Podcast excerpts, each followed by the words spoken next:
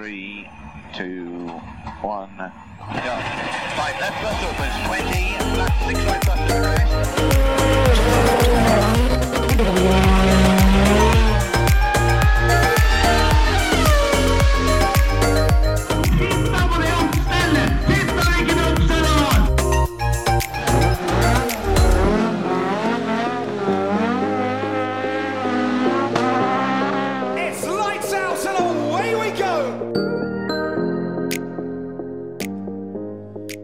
Velkommen til føremøte. Oppropet Terje Flåten, Her er jeg. Emil Antonsen. Hva faen, da? Emil? Har ikke kommet enda? Han var ikke her forrige uke heller, han. Faen. To gule kort er rødt, det. Ja, men det Nå begynner det å nærme seg bot for ikke å være på førermøter. Jeg tror det. Startnekt. Og I hvert fall startnekt i dag. Såpass kan vi jeg si. Kjetil Flåten er her. Det er du. Hoi. Hei og hå. Så har vi eh, en gjest i dag, men han har fått disp til å komme litt etter føremøtet. Han, han, Han jobba jo som journalist, og de kommer aldri til tida. dem, eh, han pleier ofte å komme litt når det passer seg sjøl. Ja. Klarer alltid å få tredd den bilen sin inn på indrebane likevel, sjøl om løpet er i gang. Ja, han, han kan jo komme og bare Starten er godt, men det Sorry, her kommer jeg. Jeg skal inn, jeg skal parkere der. Og der, der skal jeg stå. Og sånn blir det. Ja, sånn blir, Sånn blir det, det. Ellers, ellers blir løpet stoppa. Det er lettere for han å komme seg på indrebanen enn det er å få på seg denne, denne refleksvesten han skal ha på. Ja, det Jeg skulle ønske, hvis da dere som jobber i Galskap Motorsport, som hører, hvis dere hører på det her sånn, kan dere være så snill å lage en egen film med Stian tar på seg refleksvest, og legge ut det? Det, jeg lurer nesten på om det fins. Ja, Ja, kanskje ikke som egen film, men jeg, de har en sånn liten Ja, ja. kavalkade klar, Vet jeg. det, legg gjerne ut det, for det, det fortjener folk å se. Ja, det er moro. Men vi skal snakke mer med Stian etterpå, når han eh, dukker opp. Så i mellomtida så skal vi to prate om eh, noe annet som er eh, skikkelig rått, Det er noe av det kuleste februar har hatt å by på. faktisk. Og altså fram til vi kommer til den bonusdagen, da. Ja, ja, ja. ja. Å få en ekstra dag som vi kan bruke til hva vi vil, det er jo selvfølgelig det beste februar har eh, ja hvert fjerde år. det er jo Og nå i år så er jo så godt som en rød dag da, for motorsportsfolk. Ja, det er det òg. Det blir det i hvert fall det. Ja. Det er litt sånn at uh, systemet føler at vi bare trenger en, eh, en dag å komme oss på eh, hvert fjerde år. Og Sånn har jeg i hvert fall alltid tenkt på det. Jeg er helt sikker på det er sånn. Altså, Ja, ja, ja. Det er noen som prøver å si at det er en, liksom, bare en vanlig ekstra dag. Det er jo Men- ikke det. Men det er jo, det, det ville vært litt slemt. da. Altså Hvert fjerde år så får du en straff da, liksom. Du må, du må jobbe enda mer. Ja, ja. Nei, nei, det er ikke sånn det funker. Og særlig ikke nå som da Drive to Survive kommer. Nettopp. Det, Og, og det er jo akkurat det vi har kikka på. Og vi er jo nå da en del av mediebransjen, som det kalles. tross alt, dette mediekonsernet uh, førermøtet, det, det er på vei opp og fram her i verden. Vi Såpass jo, kan vi si. Vi er jo liksom oppe og, og jobber litt med de store guttene, vi nå, da. Vi er det. Har jo fått da hva skal det kalles, førpremiere på Drive to Survive. Det har vi fått. Vi har fått tilgang til hele sesong to. Og kikka gjennom. Oh yes! Om vi har kikka. Dæven, altså. Det er uh... Det beste med at uh, vi har uh, nå sittet og sett ferdig hele sesong to, det er jo Der har du straffa for ikke møte på førermøte. For det, Det er riktig. for det er bare vi som har gjort. Emil har ikke fått være med. Nei. Det, jeg håper han blir solbrent i tillegg. Ja, ja og at det Litt rennaræv etter tacobellen. Ja. Det, det er Nei, altså, sesong én av Drive to Survive var jo ekstremt bra. Eh, Det var jo terningkast seks. By far. Ja, jeg vil egentlig si det, for det Jeg syns jo det var Det var jo for det første så var det Den var jævlig bra laga. Det var eh, nydelige bilder, det var bra kløpt, og eh, sånn som vi har snakka litt om før, at den er laga på en sånn måte at til og med de som ikke bryr seg så fælt, da, de får interessen. Så det, Mm. altså, den er helt perfekt etter formålet, absolutt på alle, alle mulige måter. Så den, den må jo bare få, få en sekser, den. Ja, men det er også litt sånn etter nå at vi da har sett sesong to, Ja. så føler jeg liksom at eh, sesong to er mye, mye bedre. Den er bedre enn sesong én. Og, men det gjør jo på en måte at eh, Jeg tenkte på det at da, den terningkast seks i sesong én er jo Mm. fort en firer nå i forhold til sesong to. Ja, på en måte så kan du jo si det litt sånn, ja. At, Men, eh, men, men jeg, er- jeg er fortsatt på det at, det ter- at eh, sesong én er terningkast seks. ja, det er det. Men i forhold til sesong to så er det dårligere. Men Ja. det er jo ikke noe terningkast sju. Men jeg vil nesten gjøre den der, der enda rarere. ved å si at sesong to er bedre enn sesong én. Og sesong én var en sekser, men jeg vil ikke gi sesong to mer enn en femmer. Nei.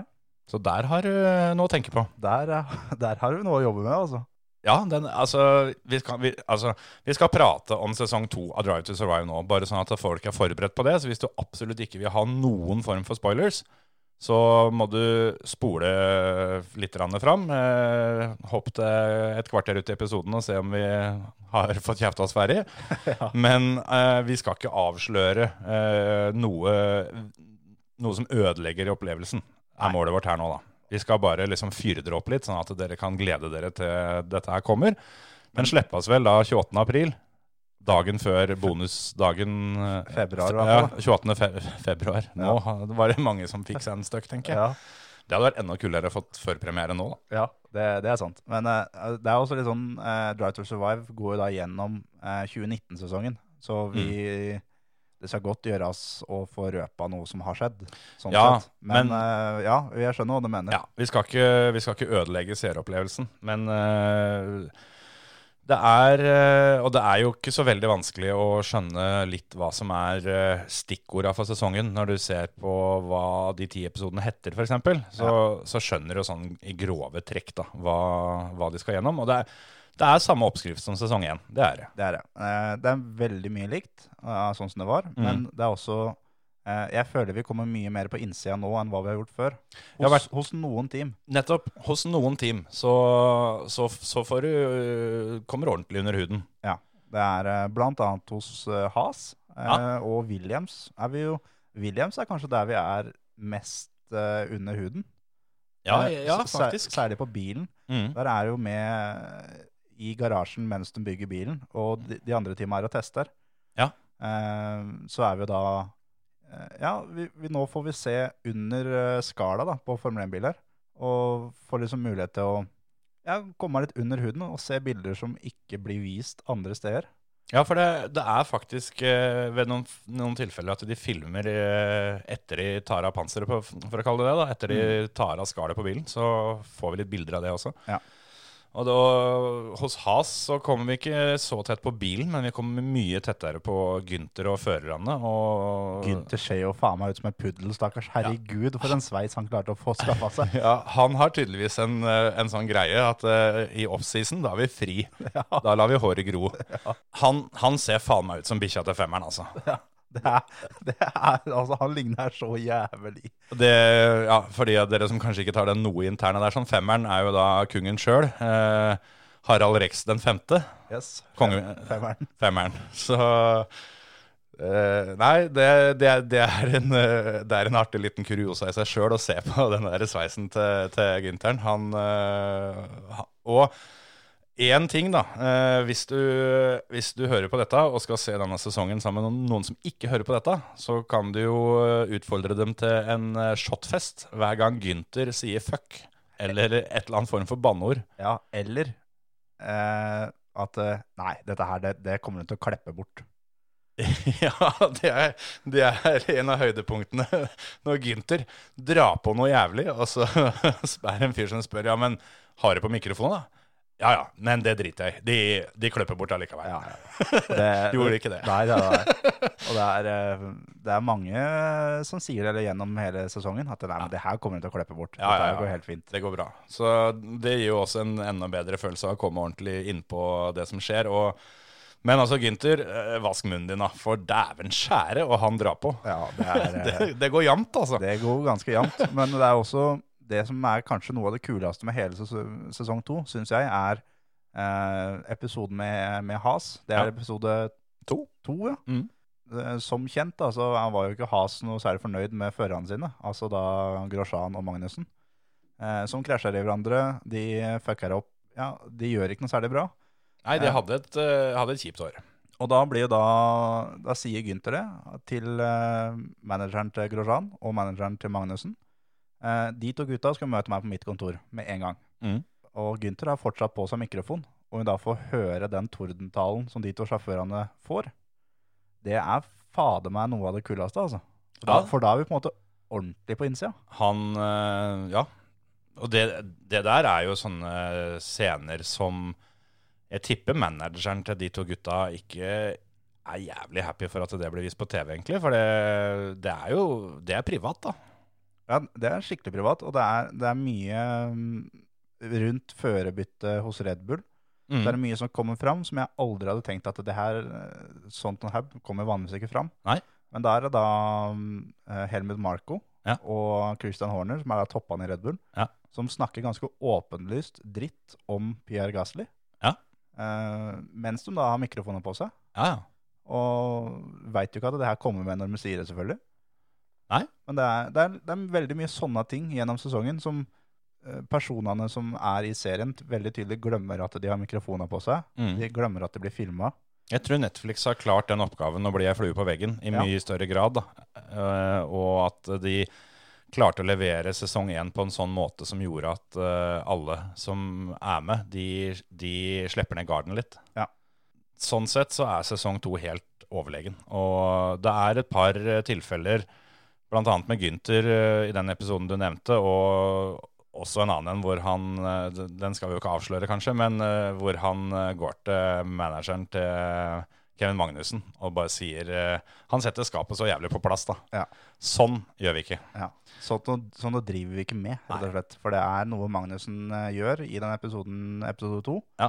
som er um, Det er ikke greit. Nei, det er litt sånn uh, Så jeg tenkte sånn Ja, er du tolv år, liksom? Mm. Hva er, hva er vitsen med å holde på sånn?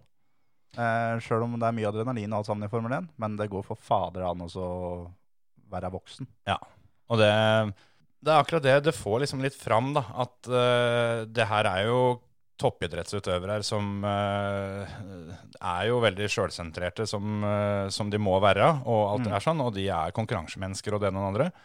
Men samtidig så får vi se da med Gynter og med, og med pressesjefen i Red Bull litt seinere og en del uh, forskjellige episoder at, uh, at Formel 1 det er liksom det øverste nivået, og det er en del gutter der sånn som de tar ikke noe kødd, altså. Nei.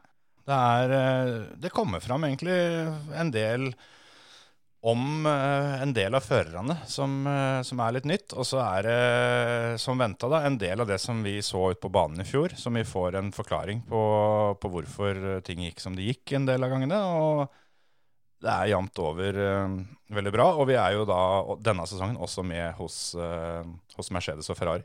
Ja, det er vi. Eh, Spesielt kult at de var hos Mercedes og fulgte det løpet som var på Hockenheim. For der skjedde det mye. Der skjedde det mye. Det var da det var så jævla vått og glatt, for de som ikke husker det. Og Og så er vi, vi er veldig mye hos Renault. Eh, litt i overkant mye hos Renault, syns jeg, Mm. egentlig.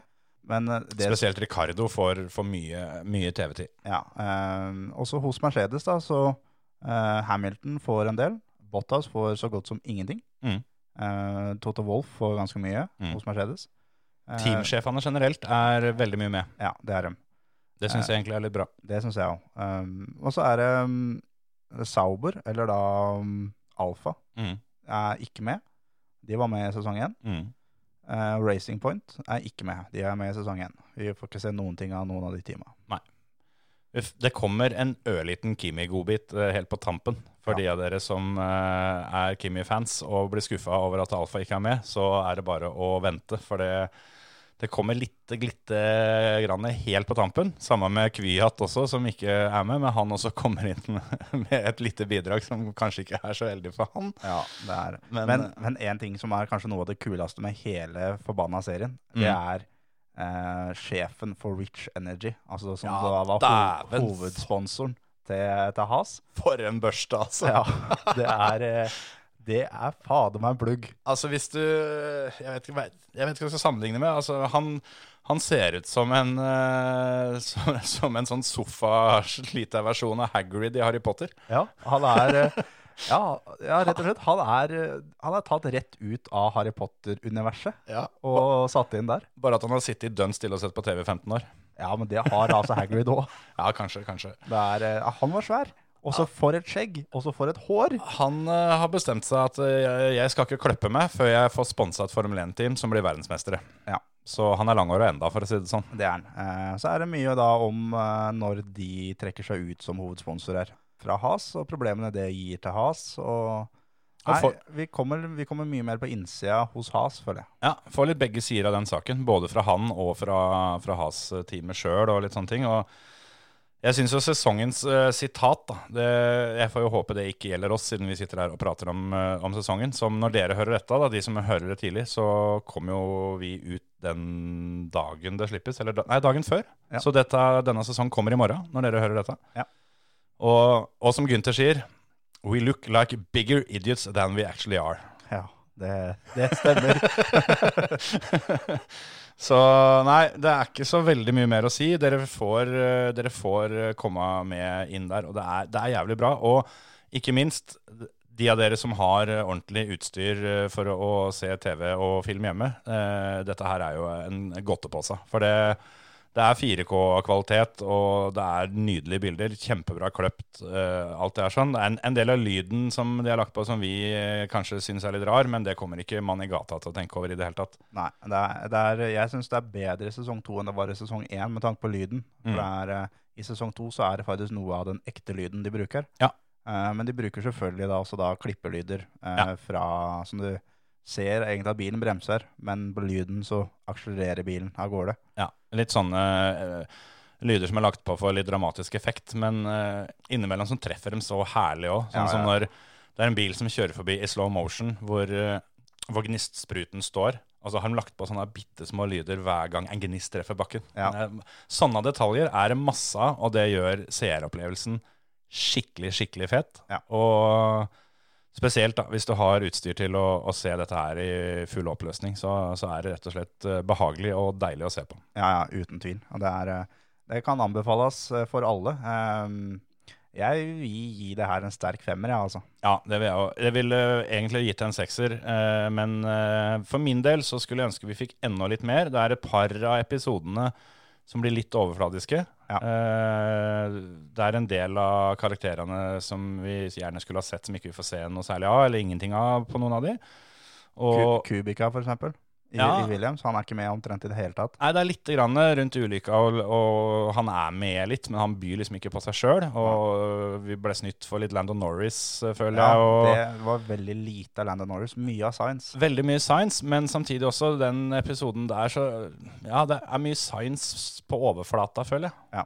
Og akkurat det der eh, er litt spesielt. Og det er, det er en, en, en del nyheter rundt science og teambytte og en del med science og for så vidt Ocon og Ricardo og, Og det, Hulkenberg og alt sammen. ja, alt det der rundt eh, teambyttene der sånn, det er en del om som i hvert fall for meg var veldig, veldig gøy å høre, og som overraska meg en god del. Ja, det, rundt de byttene der, sånn, der er det mye ny informasjon som ikke har eh, vært skrivende om noen gang, Yes. og mm, som er ordentlig, ordentlig interessant å følge med på. Ja.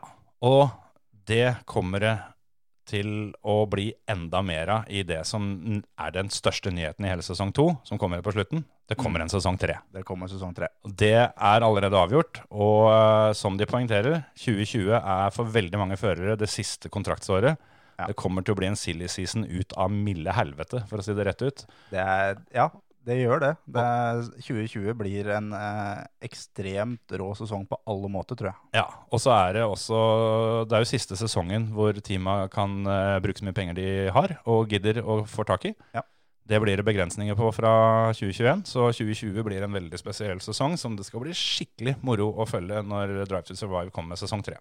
Ja, nå er jo da testinga i gang i Barcelona òg. Ja, ja. Og eh, heldigvis så Williams er jo ikke sist. De er ikke bakerst. Nei, de ser ut til å ha funnet ut av ting og er på tempo til mange av de andre. Så det, altså, det er jo som å legge til et nytt team i 2020-sesongen sammenligna med 2019, for da deltok de jo egentlig ikke. De, De ja. var med. De sto på lista. Ja, så um, vi får jo litt eh, innblikk i det òg når vi er med Williams i sesong to her, hva som skjedde underveis med han eh, ingeniøren som kom fra Mercedes og ja, Paddy, ja.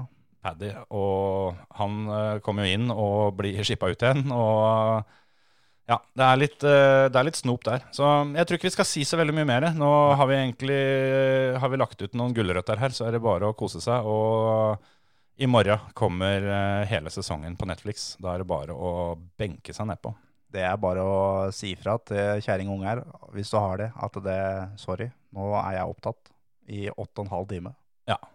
Det er omtrent det det tar å banke gjennom de ti, ti episodene. Så um, Vi har kosa oss sinnssykt mye med å se på dette her sånn, og jeg gleder meg allerede til sesong tre. Men eh, det som er bonusen, det er jo sannsynligvis et års tid å vente på sesong tre. Og det som er bonusen, er at innimellom der er jo en Formel 1-sesong. Ja, det er akkurat det. Vi har 21 Formel 1-løp til å døyve ventetida med. Ja. Men sånn er det nesten blitt, altså. Det er Ja. nesten kulere med Drive to Survive. Det er nesten det. For det er, det er mange episoder som jeg tenkte gjennom sesongen i fjor, at det, nå gleder jeg meg til å se det her på Drive to Survive. Sånn tror jeg det blir òg Ja. framover. Det, jeg håper dette her blir en fast greie. For det, det er som du sier, jeg tenkte det i sesongen som var, at dette her kommer de til å ta for seg. Og det gjorde de. Ja, det gjorde de. Nå kommer Stian, så nå tror jeg vi bare kjører en liten uh, Vi skal gi dere litt rå eh, billyd, og så hopper vi eh, inn igjen når Stian har fått på seg headsetet. Det gjør vi. Ja, da har vi fått satt oss alle sammen. Det er, eh, det er god, god stemning i studio. For det, årsaken er jo at eh, det første Stian skulle gjøre når han kom inn, var jo eh, å, å ta dirt-etappa si, som alle, alle gjester gjør. Og det lever jeg enda, Stian. Hva sa du? Vi, vi, vi kan jo si at vi har jo fått en, en ny rekord. Vi har fått ny rekord på dirt. Stian Ormestad han parkerte Stian Paulsen. Du Får får ikke mer, mye. Nei. får, ikke mer enn det. Nei. Du, Stian Paulsen var da på 3.29,24, og du klokka inn på 3.13,7. Så det er, jo, det er jo utklassing. Vi får se da hva resten finner på. Av, av Eller er dette siste gjest? Er, har du toppa det nå? Er det- Det, spørs jo helt åssen den episoden her går, om jeg er nødt til å legge den eller ikke. Vi kan i hvert fall Jeg skal prøve å ikke ødelegge for mye. Vi kan i hvert fall si som så at uh, vi må velge gjester med omhu hvis ikke vi skal stille om uh, innstillingene på stolen og rattet, i hvert fall. For da må, vi, da må vi ha noen korte mennesker. Det er tydelig at du har eh, kjørt mye trang bil i bilcross uh, opp gjennom karrieren. Jeg ser jo det nå at det var kanskje litt små marginer her, men ja, pedalene sto jo der de skulle og sånn, så det, jeg syns det der var luksus. Jeg. Ja, du hadde, du hadde gassen til høyre og Ja. jo, men og, eh, i forhold til giring så var det rette veien. nå. Ja, ja, ja. ja, jeg har kjørt uh, Hilman Imp jeg, med, med girkasser og om hverandre fra Tyskland og England. Det var ikke Der var det første giret der tredje giret var. Og, eh, Ja. Andre gir er fjerde gir egentlig her, og så måtte du over til første for å finne tredje. Ja. Så det, det der var jo en drøm å kjøre. Det er ikke noe rart det gikk fort.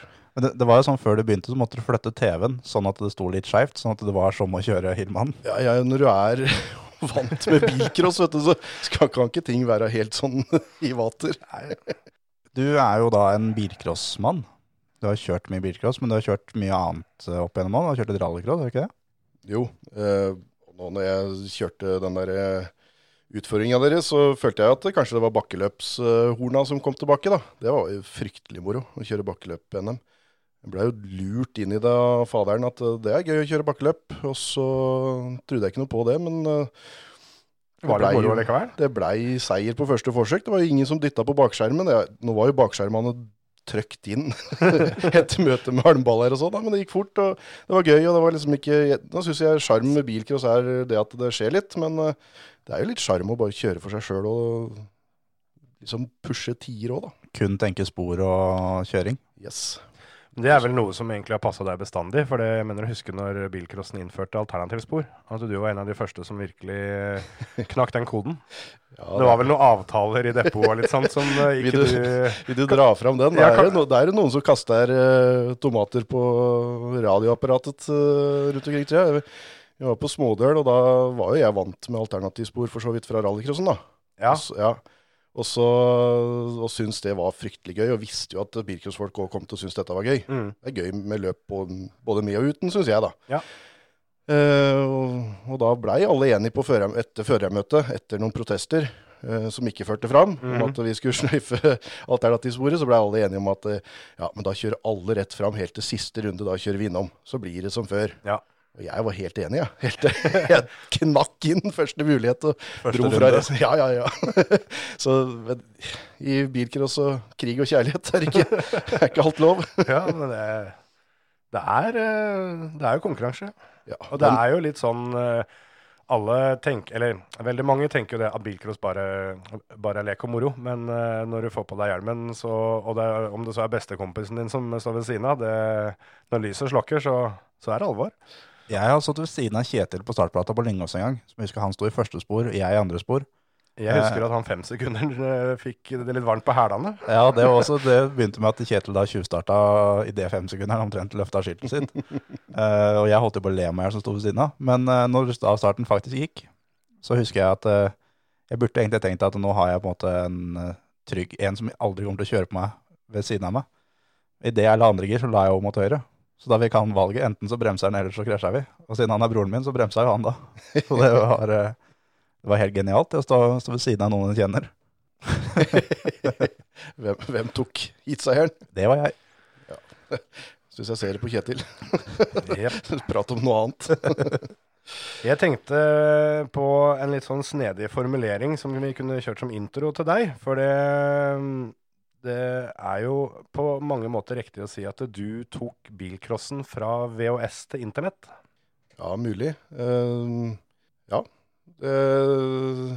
Det, er jo, det var jo litt sånn, for det, det var jo noen som holdt på med dette før deg òg. Men da du, da du begynte, så det var jo VHS-taper eh, stort sett det gikk i. Og så var vi vel en tur innom noen DVD-er og litt sånne ting. Og så ble bilcross.no født, og den digitale tidsalderen kom.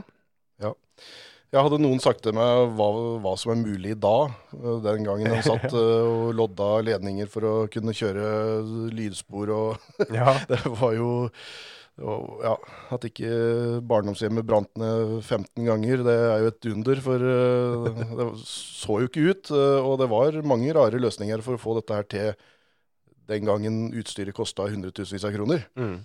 Men etter hvert så ja, hadde noen sagt til meg at eh, nå kan du komme med en mobiltelefon og legge det ut så folk kan se det eh, Med en gang, ja. direkte. Det er jo en drøm. Det er jo, det, det er jo teknologien som gjør at dette her er fantastisk moro å holde på med etter hvert. sånn, liksom, Det som skjer er jo helt rått. Bilcross er, eh, er Det skjer noe hele tida, det er alltid noe å ta tak i. Men, eh, men den måten å kunne formidle det på i dag, det har jo Mm. bare gjort det enda kulere. Men det var jo samme spenninga og gleden og, og liksom Det var jo samme formidlingstrangen som var da du holdt på med VHS, da. Mm. Det var bare som alt annet så tok det jo en uke, da. Før du hadde sendt den uh, VHS-en og noen hadde fått eh, sett på noe. Hvor mange kvadratmeter bobleplast har, har du pakka VHS-kassett her opp gjennom åra? Og det er sikkert kilometervis. Jeg har fortsatt så har jeg sånn øh, øh, Jeg fikk en lastebil full av bobleplastkonvolutter Ja. øh, når jeg hadde kontor i Holmestrand. Og fortsatt har jeg dem på kontoret. For, for det, var, det tok jo slutt, da, både med VHS og DVD. Og, og i dag så har jeg veldig trua på sånne betalingsløsninger, men jeg gidder jo ikke ta betalt for noe. Altså. Men for dem som driver med det, så kan de, kan de jo kjøre sånn eh, betalingsløsning på Vimeo f.eks. Det er jo, Mm. er jo så enkelt i dag at det er jo det som tok eh, ja, Du kan egentlig dele alt på ti. Mm. Det som tok uh, ti timer før, det tar en time nå. Og det som uh, kosta 100 000, det koster 10 000 nå. Mm. Nå har jeg alt på mobiltelefon av det som du måtte betale hundretusenvis av kroner på kamera og PC, eller før det enda verre analoge Ja. redigeringssystem. Det er jo er en drøm i dag. Vi kan jo ta med, for de som ikke veit det, eh, hva er egentlig bilcross? Ja, det er en uh, konkurranse der du skal flå og kjøre gjennom tre runder i innledende omganger, og så skal du kjøre noen flere runder i finalen. Får du poeng, da, ikke etter ti, men etter plassering. Førstemann til mål. Mm. Førstemann til mål får, eh, får flest poeng, og så drøsser litt eh, på resten etter hvert eh, som de kommer inn. Så kan det vel på, på en måte kalles en kontaktsport. Ja. Sjøl om det, NBF mener at ikke det skal være det, men det er jo egentlig det. Jeg syns jo ofte det går snillere for seg i bilcross enn det gjør i mange andre grener for tida. Jeg for eh, den der gode, gamle ideen om at blir du tatt igjen, så får du skylde deg sjøl, den, den syns jeg kunne komme litt fram i lyset igjen. Jeg. Det er, eh, det er blitt, eh, blitt litt sånn gentlemansport, det òg, men det er jo ikke det, ikke det det var. Det var jo fritt fram, full fart, eh, kjør på, overlev og kom deg første mål. Og så alt eh, Det har jo blitt raskere baner òg, så jeg fra, Før så var det jo moro hver gang det gikk en bil på taket. Nå er det ofte jeg står med hjertet i halsen. Gjorde du ikke det før? Nei. Da klatra de ut og var Ja. like blide. Så bilcross er jo egentlig Jeg vil jo kalle det uh, en hvermannssport. Folkerace er et veldig bra navn fra Sverige. Mm. Men det, det er jo noe som alle, eller de fleste, har mulighet til å kunne drive med. Eh, sånn økonomisk sett, i hvert fall. da. Mm. Det er, eh, det er litt dyrt i innkjøp. Altså første start er eh, forholdsvis dyr, men Ja. eh, derfra og ut så er det jo billig. Om du står på helt bar bakke og skal stilles til, start på første løpet, så koster det jo litt. Men det er jo det som er i hvert fall tanken med bilcross, er jo at du skal kunne ta litt av det du har og, og komme deg inn på en, på en fornuftig måte, da. Men eh, så er jo også da det som er, eh, som er sjølve hva skal jeg kalle det, ryggraden i bilcross, er jo budsystemet. Som at du kan dra på et bilcrossløp og kjøpe deg en bil for 11 000 kroner. Det er en fastsatt pris. Og da kan du stille til start med den bilen da helga etter. Og det er helt fantastisk at en sånn utjevningsmodell som det der kan funke så bra over så lang tid og fortsatt gjør det. Det er jo, Du kan eh, dra på løp den ene helga og debutere med den vinnerbilen som går som rakkeren neste helg. Alle stiller likt, og det, det er eh, ja, så forhatt regel som fungerer Ja. så bra. Det er vel ingen regler som har vært mer omdiskuterte og debatterte, antageligvis, enn budregelen i bilcross. Nei, og pris og løsninger og antall og Mm.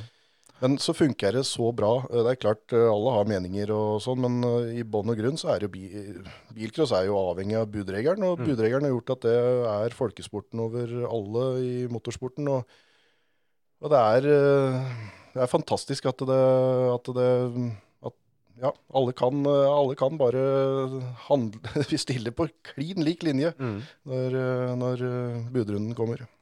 Kan du ikke forklare litt det, og hvordan buda fungerer, for de som da ikke har vært på Birkelandsløp noen gang, og syns det her med at eh, bud, hva er det, liksom?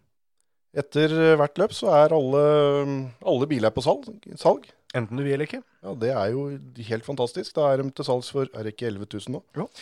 Pluss et gebyr per bud du legger inn. Og så er det så sirlig ordna at eh, inntekten går til klubben av de gebyra. Og de 11 000 dem får, eh, får du i handa for den bilen du har stilt til starte. Så har du lagt eh, 50 000 i den, så er det ditt tap. Og så er det en glad fyr du bare kan gratulere med ny bil, som får den på bud. Og så er det trekking, da. Det er ikke, det, bud er jo litt sånn uh, misvisende. Det, uh, virker jo som om du kan lodd. by. Det er jo bare det er en fast pris. Og, Det er en loddtrekning. og loddtrekning hvis det er flere som er interessert. Du kan kjøpe så mange lodd du vil på egentlig så mange biler du vil, Mm. men det koster jo da en avgift per, per lodd. Mm. Og så hvis det da kommer inn uh, mer enn uh, en, uh, ett lodd, eller, eller flere, flere som har kjøpt lodd på samme bil, så blir det bare rett og slett eh, en trekning. Ja. Manuell trekking. Til min store irritasjon. Jeg syns det er på tide å få det digitalt. Men eh, det kan vi snakke om en annen gang. Ja. Men det er, eh, jeg har vært med på å få biler på bud og få kjeft av den som jeg har kjøpt bil av, og blitt hivd eh, dekk etter og jekker etter og alt sammen. Ja, ingen sier at det er et eh, helt perfekt menneskelig samhandlingsmønster her. Er vi, Men det er jo litt, litt sånn som det du sa, da. Har du lagt 50 000 i den bilen, og du får eh, 11 for den, så det, det er lov å bli litt grann eh, irritert, men det er også litt det at det er, sånn, sånn det er. Jeg mener at det er jo ikke det. Du, du har gjort det med viten og vilje, og du veit at den bilen forsvinner. Så det er det som er det vakre med hele budsystemet. Det er eh, eh, Ja, med, bortsett fra diskusjon om pris og alt mulig sånn som folk skal få igjen for å gidde å bygge bil og alt det der, da, så, Mm. så er det faktisk i bunn og grunn et fryktelig fint system som alle må bare godta, og Ja. gjør at, eh, at eh, sporten er den han er. Ja, og det er jo en budpris som har stiget. Jeg vet ikke hva han begynte på, men jeg vet han har vært så lav som 5000. Så har han jo da økt og kommet seg opp til 11 000. Nå var vel eh, 2019-sesongen første året med 11 000. Eh, og det, det er jo som du sier, det er jo eneste årsaken til at den øker, er jo for at du skal kunne, kunne komme unna med å bygge en bil uten å tape altfor mye. Mm. Det skal gå an å bygge en helt normal bil til den prisen. og så hvis du legger i mer enn det, så får du skylde deg sjøl. Ja. Men uh, det er litt morsomt. En av de artige sakene jeg har skrevet i det siste, sånn uh, spar fram artige ting fra avisarkiv og sånn, så var det jo i 1984, vel, tampen av 83, Ja. som uh, første gang det blei skrevet i store typer at nå tar det helt av. Ja, Da hadde vi kjørt første bilcrossløpet høsten 81. Eh, og et par sesonger etter så var det fullstendig krise, for da brukte folk over 5000 kroner bare på motoren. Ja, ikke sant? Ja, så, og det var eh, Hva er det de skrev? Det var 14 bud eller et eller annet sånt på Hovlandbanen på det siste løpet, så nå var det helt vilt. Nå var det ingen som gadd å bygge bil lenger. Nå, nå er det kaos, liksom. Nå er det kaos. Nå, dette er slutten på, på, på, på bilcross allerede bare et par, da, par år etter at de eh, starta opp. Så de derre eh, det er jo fordel for oss som har vært med ei stund, da, at eh, vi ser at det samme går igjen for alle som opplever å bli frakjørt av en eller annen verstingbil til enhver tid. At eh, nå tar det helt av. For Det- hver eneste nye bit som kommer inn i disse bilene, om det er eh, ja, gamle utrangerte rallycrosskasser som skal være det råeste som fins, og så henger det nesten ikke sammen. Det er det bilcross er, da. Ja, ja, akkurat det der, der er jo noe som det stadig er prat om, at uh, nå er det trimma så fælt at det, det her tar helt av. Men det er jo langt ifra noe nytt fenomen, det. Uh, jeg tipper det at motoren til en del av de boblene på 90-tallet hadde hengt med da. Ja, ja. Og jeg, uten å nevne navn, så jeg vokste opp uh, i et en bilcrossgarasje, jeg, med, med hele nabolaget og halve slekta som drev med dette her. Jeg husker jo fra jeg var liten at eh, det var noen som hadde solgt eh, både kjøleskap og salong, liksom, for å få råd til akkurat Mm. det de drev og skrudde på. Eh, og kom og handla faderen eh, når, når de drev på ned i verkstedet. Da var ikke jeg gamle karen som de kom og og, og hadde egentlig allerede da eh, satsa over evne, da. Ja. Men, men det gjør jo Ja. Alle er fri til å gjøre hva de vil. Står du der uten bil og salong på, på mandag, så er det liksom bare deg sjøl å skylde.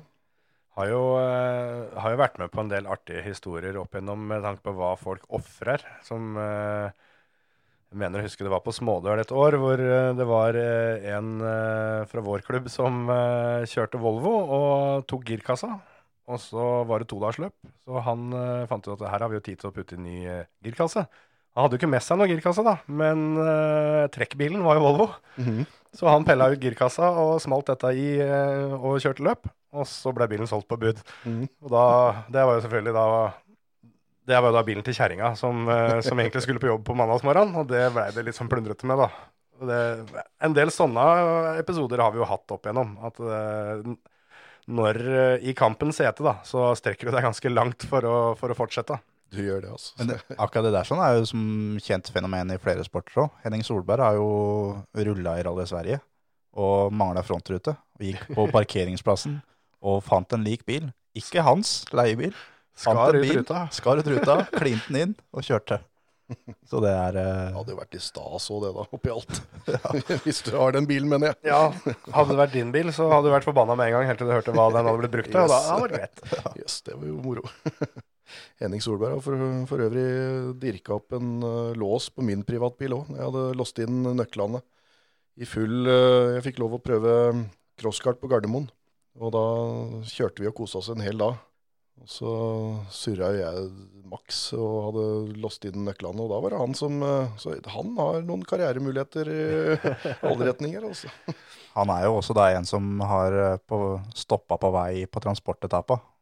På vei til da fartsetappe, hvor dynamoen da har ryket. Og vanlige folk da vil da at nei, men da, da gir vi oss da, og er ferdig for i dag. Henning opp med panseret, ut med dynamoen, åpne dynamoen, overholder dynamoen på transportetappa, setter oss sammen igjen og kjører løp. Så han er, eh, han er flink, han.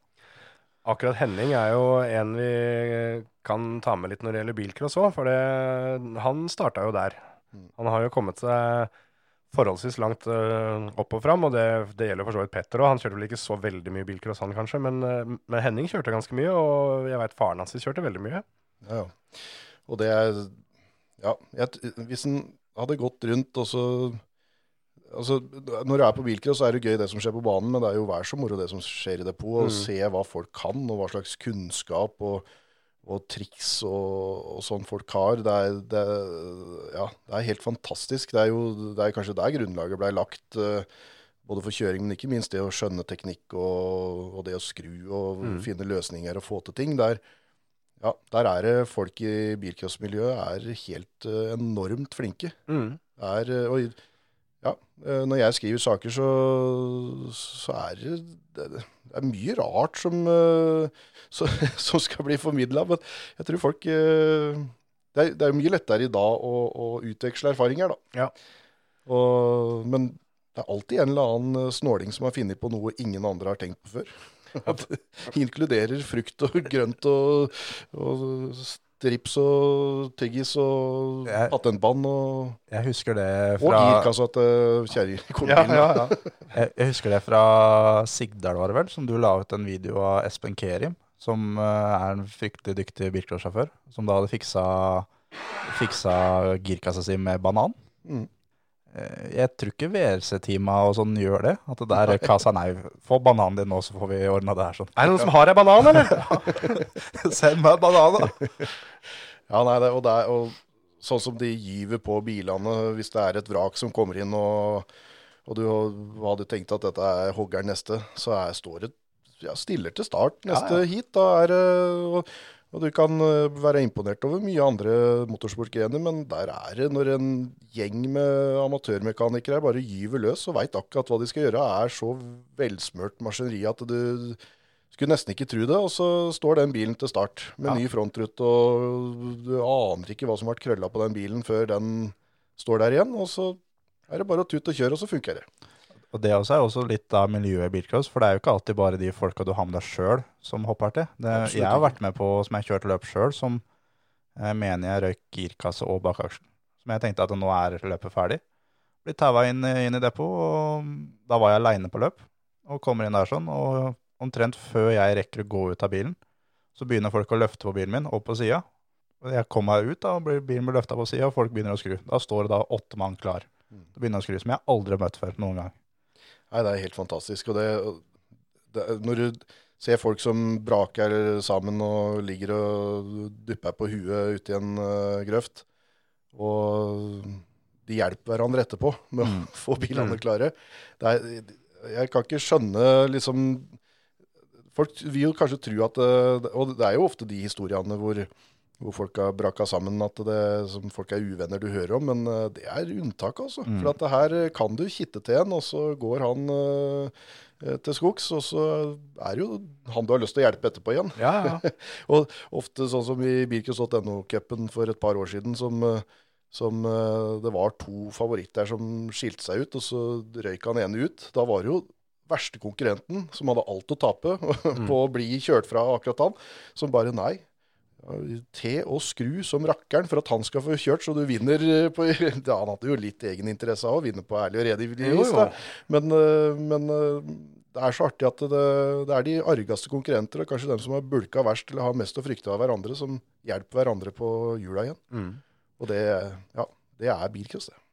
Så er det vel en ting som uh, også altså Jeg skal ikke si at det bare er bilcross det gjelder, men i mye større grad er enn enn andre steder. Sånn som det du snakka om med å, å finne løsninger og sånn. At du har, uh, du har en bil som har en motor fra et annet bilmerke, og på den motoren så er det kanskje en fordeler fra et tredje bilmerke, og så har du dempere fra et fjerde og bakaksel fra en femte, liksom. Det er, det er jo et, et lappeteppe av en annen verden en del, og det det òg viser jo det at eh, I hvert fall i større grad før, tror jeg, da, men det fungerer jo litt sånn enda, at eh, er det et eller annet som, eh, som går sund, så kikker du rundt deg. Hva er det vi har her, da? Og så, ja, kanskje den passer der. Ja, i hvert fall hvis jeg kapper litt på hjørnet der, så får vi det inni, og så ser vi om det går. Det er jo også litt det der med, med det derre Kall det samholdet, da. At om du kjører Saab eller Volvo eller folkevogn eller, eller alt sammen, så er du med og skrur på det andre. For det, det er jo det samme som ligger i bånn hele veien. Du har jo en nabo rett oppi gata her, for vi sitter nå da, med Åge Kjerran, Ja. som, eh, som uh, hadde Renault 8 og 10 med, med Fiat-motor og Opel forstilling, og du hadde liksom alle ja, det han kom over som passa. Uh, men noen sånne grunnleggende ideer som det, da. Ja. Folkevogn girkasse, jeg vet ikke om jeg sa det, men det er jo ja, og det var jo så vidt han Den kunne jo ikke ta på. Den måtte, han var jo folkevognallergi. Ja, Så det var jo så vidt han orka å ha det, men det holdt i hvert fall. En, en kan vel nesten si da at eh, Bilcrossdepot er da en gjeng med Redor Felgen-typer. Mm. Ja, det var i hvert fall veldig det før. Jeg tror det er det ennå. Nå begynner jo folk å trimme med laptop på fanget, liksom. Mm. Ja, da- og ikke, minst uh, få andre til å trimme for seg. Ja, det, mye det også. det var ikke like sånn. mye før, Nei. kanskje, men eh, Men jeg syns jo det jo er fascinerende. Jeg var jo oppe hos uh, han Per Arne Ralle og skrev en Mhm. liten sak om det. For jeg, ja, det er jo fascinerende at du kan hente ut masse hester av en liten 1400-motor uh, i en Opel stasjonsvogn, som øh, kan vinne løp på rallebanen. Eh, altså Det er like fascinerende det som at du, at du analogt går inn og, og, og skrur. Eh, Ja. Men så Det er- folk det er, er vel- jækla flinke på alle felt, da. Det er jo litt sånn med tida, da. At det, um, verden utvikler seg jo. Det gjør jo også bilcrossen. Ja. Så åssen føler du at bilcross er i altså 2020, da, kontra 2000? Hvordan eh, har det gått på de 19 åra som vi har vært innom? da? Jeg syns jo bilcross øh, Jeg skrev det i oppsummeringa av 2019-sesongen at det var vel kanskje tidenes råeste bilcross-sesong. Mm. Med fire helt uh, sinnssykt bra landsfinaler, og, og vi er uh, Ja, det er kanskje så Det er helt uh, Showet er helt på topp. Men hvis du, hvis du ser tilbake, så var det jo sjarm med, med de tidligere tidene òg, da. På 2000-tallet så var det jo egentlig litt nede, syns jeg. da, så Utviklinga derfra og, og fram til nå, den er jo helt enorm. Så, så bilcrossen blir bedre og bedre Ja, så, på noen områder. Jeg syns jo, jo showet og arrangementene og banene og alt det der er jo helt, eh, helt vanvittig nå. Når du ser den landsfinalen på Gardermoen, liksom, Mm. som bare er helt Det er så strøkent du får det. Uh, Det, apropos landsfinaler, så husker jeg omtrent fra 2012 så husker jeg det var snakka at det bedre landsfinale enn det er sånn, det blir ikke. Og så kommer 2013. Så Ja. er det samme igjen. Og så er det samme sånn igjen veien, hvert ja. år. At Ja. det bedre enn det her blir ikke. Men så blir det bedre og bedre.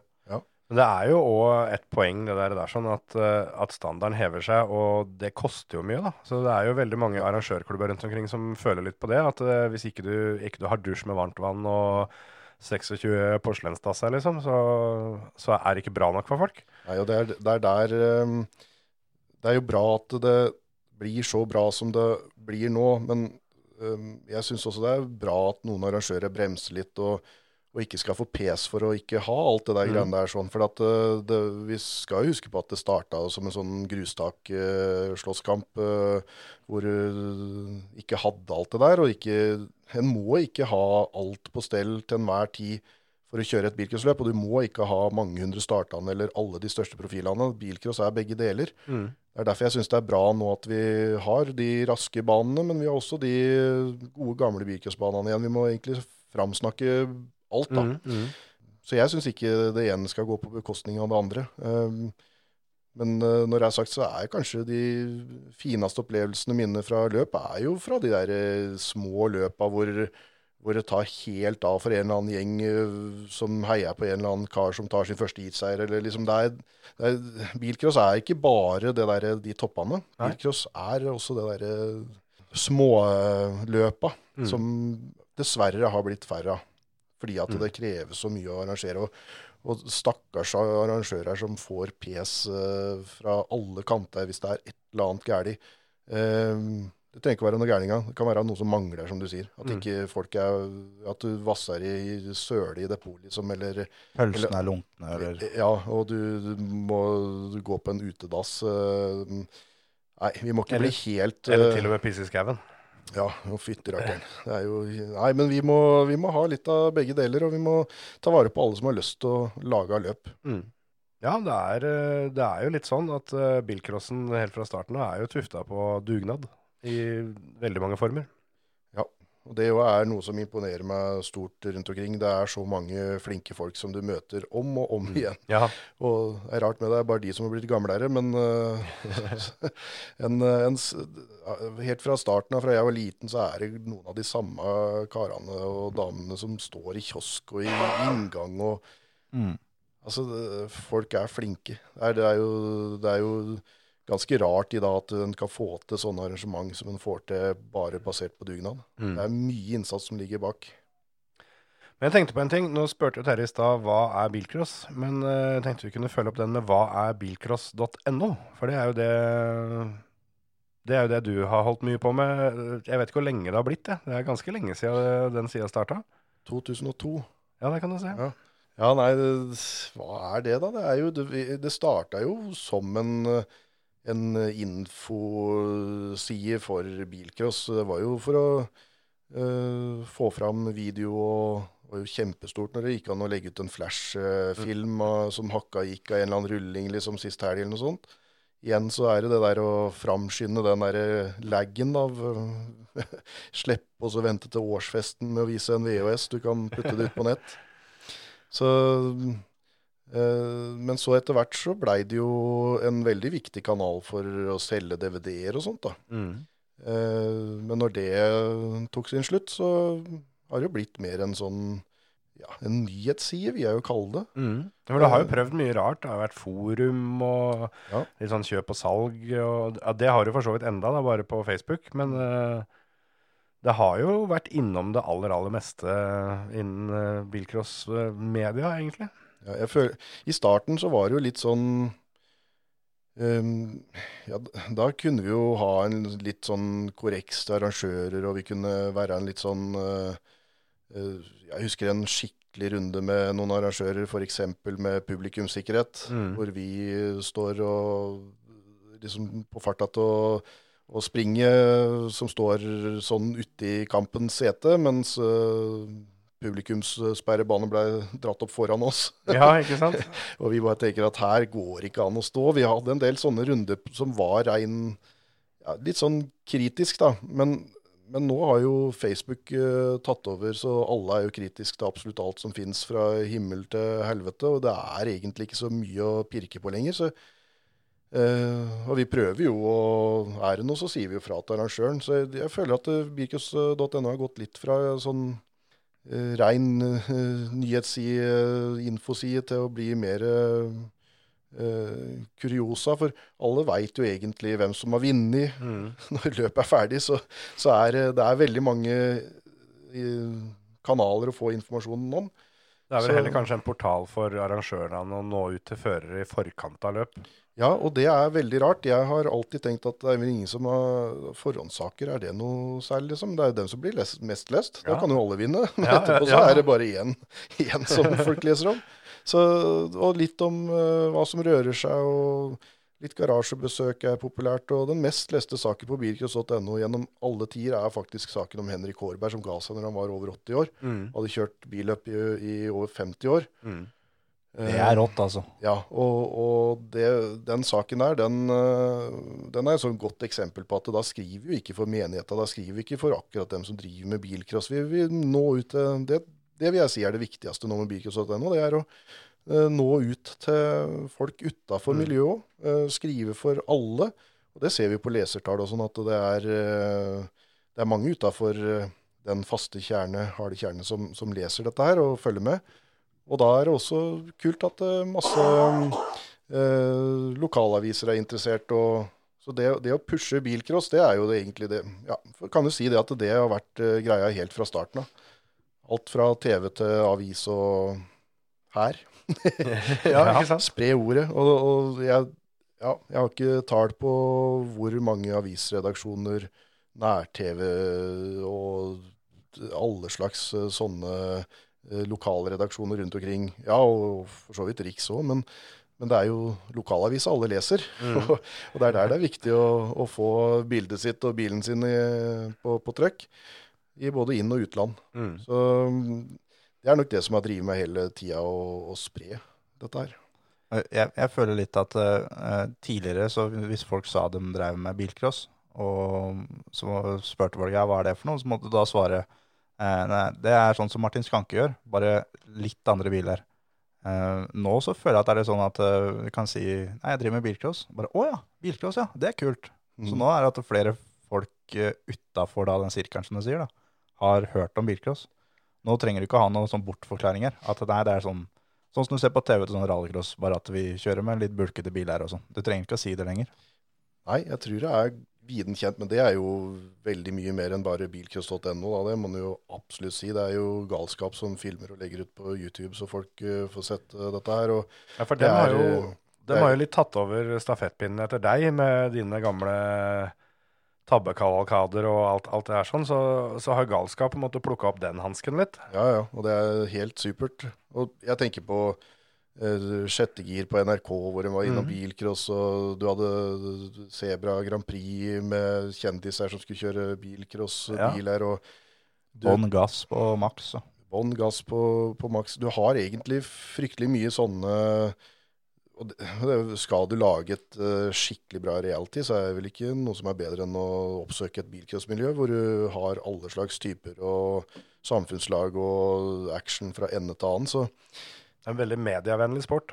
du får jo nesten ikke dratt på et løp uten å få et eller annet uh, show på kamerabrikka, eller Og du har stort sett en eller annen avis, uh, og nå har jeg et kontaktnett over hele Norges land, og, og vær så det. Også i, i Sverige, svenske lokalaviser har jo trykt dette her og sånn. Så skjer det noe med en eller annen eh, som jeg veit har en lokalavis som er ivrig, så sender jeg en liten, en liten tekst eller et eller annet til sportsredaktøren, og så Eller spør dem, da.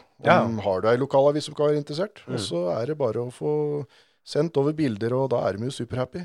Så det er, um, det er Det er mange Og det er en stor forskjell fra tidligere. Før når du spurte har dere lyst på en liten reportasje fra et bilcrossløp, så nei. Men nå har folk eh, med dagens teknologi, så kan du måle lesertall. Og en Ja. god bilcrossak med en, eh, en eh, boble som henger og svever langt oppe i lufta med frontrute og bakrute i hver sin retning, den, eh, den blir godt lest også. Ja. Så, så, nå, ser, nå ser til og med dem eh, som sitter rundt på hver sin tue med hver sin lokalavis, at, eh, at dette her er godt lesestoff. Mye bedre enn en mye annet som har blitt prioritert mye høyere enn motorsport i alle tider. Ja, det er noe jeg eh, mener å huske har vært, eh, vært gjenganger eh, ganske lenge. At når, det- når det har blitt sendt på NRK av sånn type rallycross, NM og sånne ting, så har det ofte blitt satt til sånn derre ja, veldig seint på mandagskvelden eller, eller sånn ett på natta og sånn. Men så har seertallet kommet, og så har det jo blitt eh, vanvittig bra seertall. Som igjen da har utvikla seg til at VM i rallycross har gått klokka to på søndagen på NRK1. ikke sant? At de, de har skjønt det at dette her funker. Det er jo ikke sånn, når en tenker på det, da, alle vi er jo inne i det, men eh, jeg vil jo tro at det er noe som eh, ligger litt eh, i bakhuet på omtrent hver eneste en som har sertifikat. Det å kjøre fort med bil på en trygg og forsvarlig måte, da. Det er nok noe som tiltaler de aller fleste. Ja, det er viktig på så mange måter. Da. Det er jo Tenk deg hva, hva bilmiljøet tar unna av mm. galskap og herjing langs veiene. Ja, for det, det er jo en ting som sikkert ikke alle er enig i. For mange tenker jo at det er motsatt. At du skaper fartsmonstre på banen som også tar det ut på veien. Men der er vel du av den oppfatninga at det går heller andre veien. At de, de kommer seg inn i kontrollerte former og, og ikke minst får se hvilke krefter de har å jobbe med, sånn at de oppfører seg mer langs veien. Ja, det er jeg helt overbevist om. For at uh, du får jo aldri testa det du gjør på bane langs veien, Nei. uten at det er livsfarlig. Og hvor livsfarlig det er, det, det kan du ikke vite før du har kjent de kreftene i sving. Nei. Og det, å få, å ha muligheten til å gjøre det på bane, og samtidig ha det så gøy å være en del av det miljøet, da er du Ja, vi skal være glad vi har den muligheten. Jeg tror vi må stå på krava framover for å få lov til å fortsette med det vi driver med. Men, men øh, og da må vi huske på hvor viktig dette her er. På så mange måter. øh, Både trafikksikkerhetsmessig, men også for miljøet og kunnskapen og det å ha en, et, en arena for å drive med noe praktisk. Ja, ja, rett og slett det å ha en hobby er, eh, har vært eh, en redning for ganske mange ungdommer, vil jeg tro, som har kommet inn i bilcrossen og motorsport. Helt klart.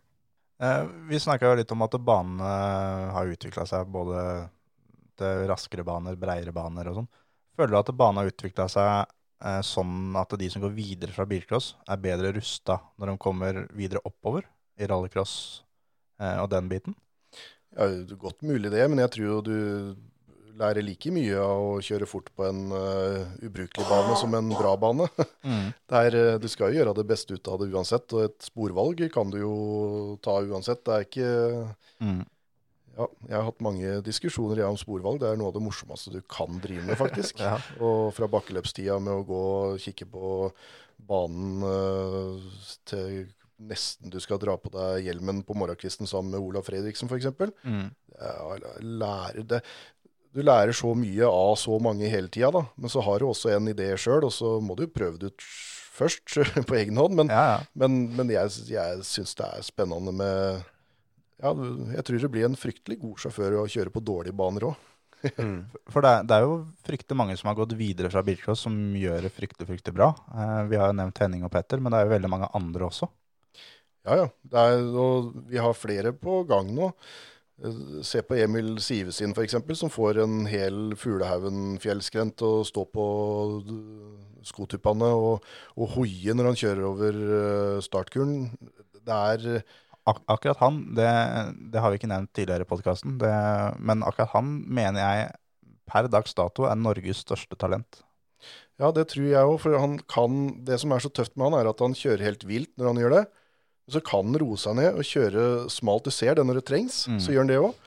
Og så går det fort begge deler. Ja, så går det fort begge deler, og så har han, har han en idé Han har det så i fingrene at det Og når, til og med når det går helt vilt, så på kanten du bare kan få kjørt en bil, så er det kontroll bak det. Det er, det er helt fantastisk. Og du ja, Jeg mener vi kan summere opp veldig mange. Ole Henri Steinsholt det blir jeg superimponert over. og det er, det er så mange talenter. Men det som er gøy med bilcross, da, er at eh, når du har sett en eller annen bil som går så det gviner rundt banen, og du står der med svære auger og syns dette er kjempegøy å se på, så går du i depot, så kan det være en svær, gammel mann som uh, skviser seg ut av, av bilen, som du helst hadde sett for deg i 25 km i timen stødig til eldresenter liksom med hatt og stokk en søndag.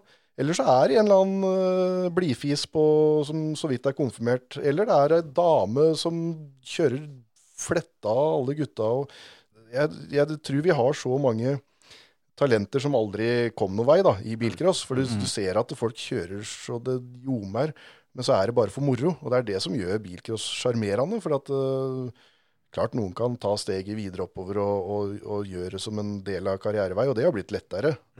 Helt klart. Men, eh, men de fleste er jo med bare for moro skyld. Og det, talenter kommer i fryktelig mange fasonger og, og former i bilcross, altså.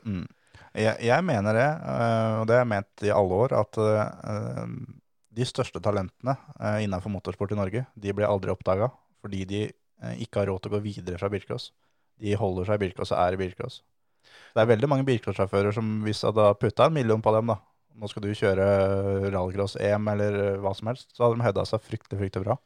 Ja, og der tror jeg en eller annen talentspeider kunne gjort det veldig, veldig bra. Hvis han hadde fulgt med litt på bilcross, så hadde du faktisk eh, hatt de mulighetene der. Sånn som Emil Sivesin, da. Ja. Han, eh, nå har han prøvd sånn litt, i rallycross, og kjørte NM-runde på Momarken, og sto i pole i A-finalen. Mm. Overlegent. Det, det var ikke bare at han var i pole, men han var overlegent i pole òg. Første løpet sitt i rallycross. Og gitt han uh, mye penger, så hadde han eh, had, Han hadde dominert videre oppover. Ja. Og det er så langt som EM i rallycross og VM i rallycross, altså. Og så god er faktisk han. Helt overbevist om det, og jeg er helt overbevist om at det har vært sånne før, og det kommer sånn igjen. Mm -hmm. uh, men så er jeg også litt på den at uh, hvis du virkelig vil, så får du det til. Uh, Petter Solberg hadde ikke noe bedre forutsetninger enn det hvem som helst andre hadde. Nei.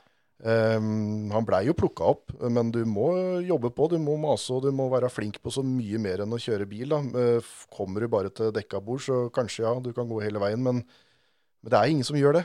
Så, men hadde vi hatt det samme systemet i, i bilsporten som, vi, som det er i fotball og alle andre sånne mer eh, grener med mer penger, Mm. så hadde, hadde vi hatt mange talenter i bilcross og gokart, og det veit jo du alt om. Det er eh, Mm. hele veien så er det jo drøssevis. Det som irriterer meg, er at ingen tar skikkelig tak i en eller annen av disse jentene som kjører eh, så sinnssykt bra. Ja, det er, det er mye damer som kjører fryktelig, fryktelig bra. Ja, jeg Som- hørte dere nevnte litt om, eh, om jenter i en tidligere episode.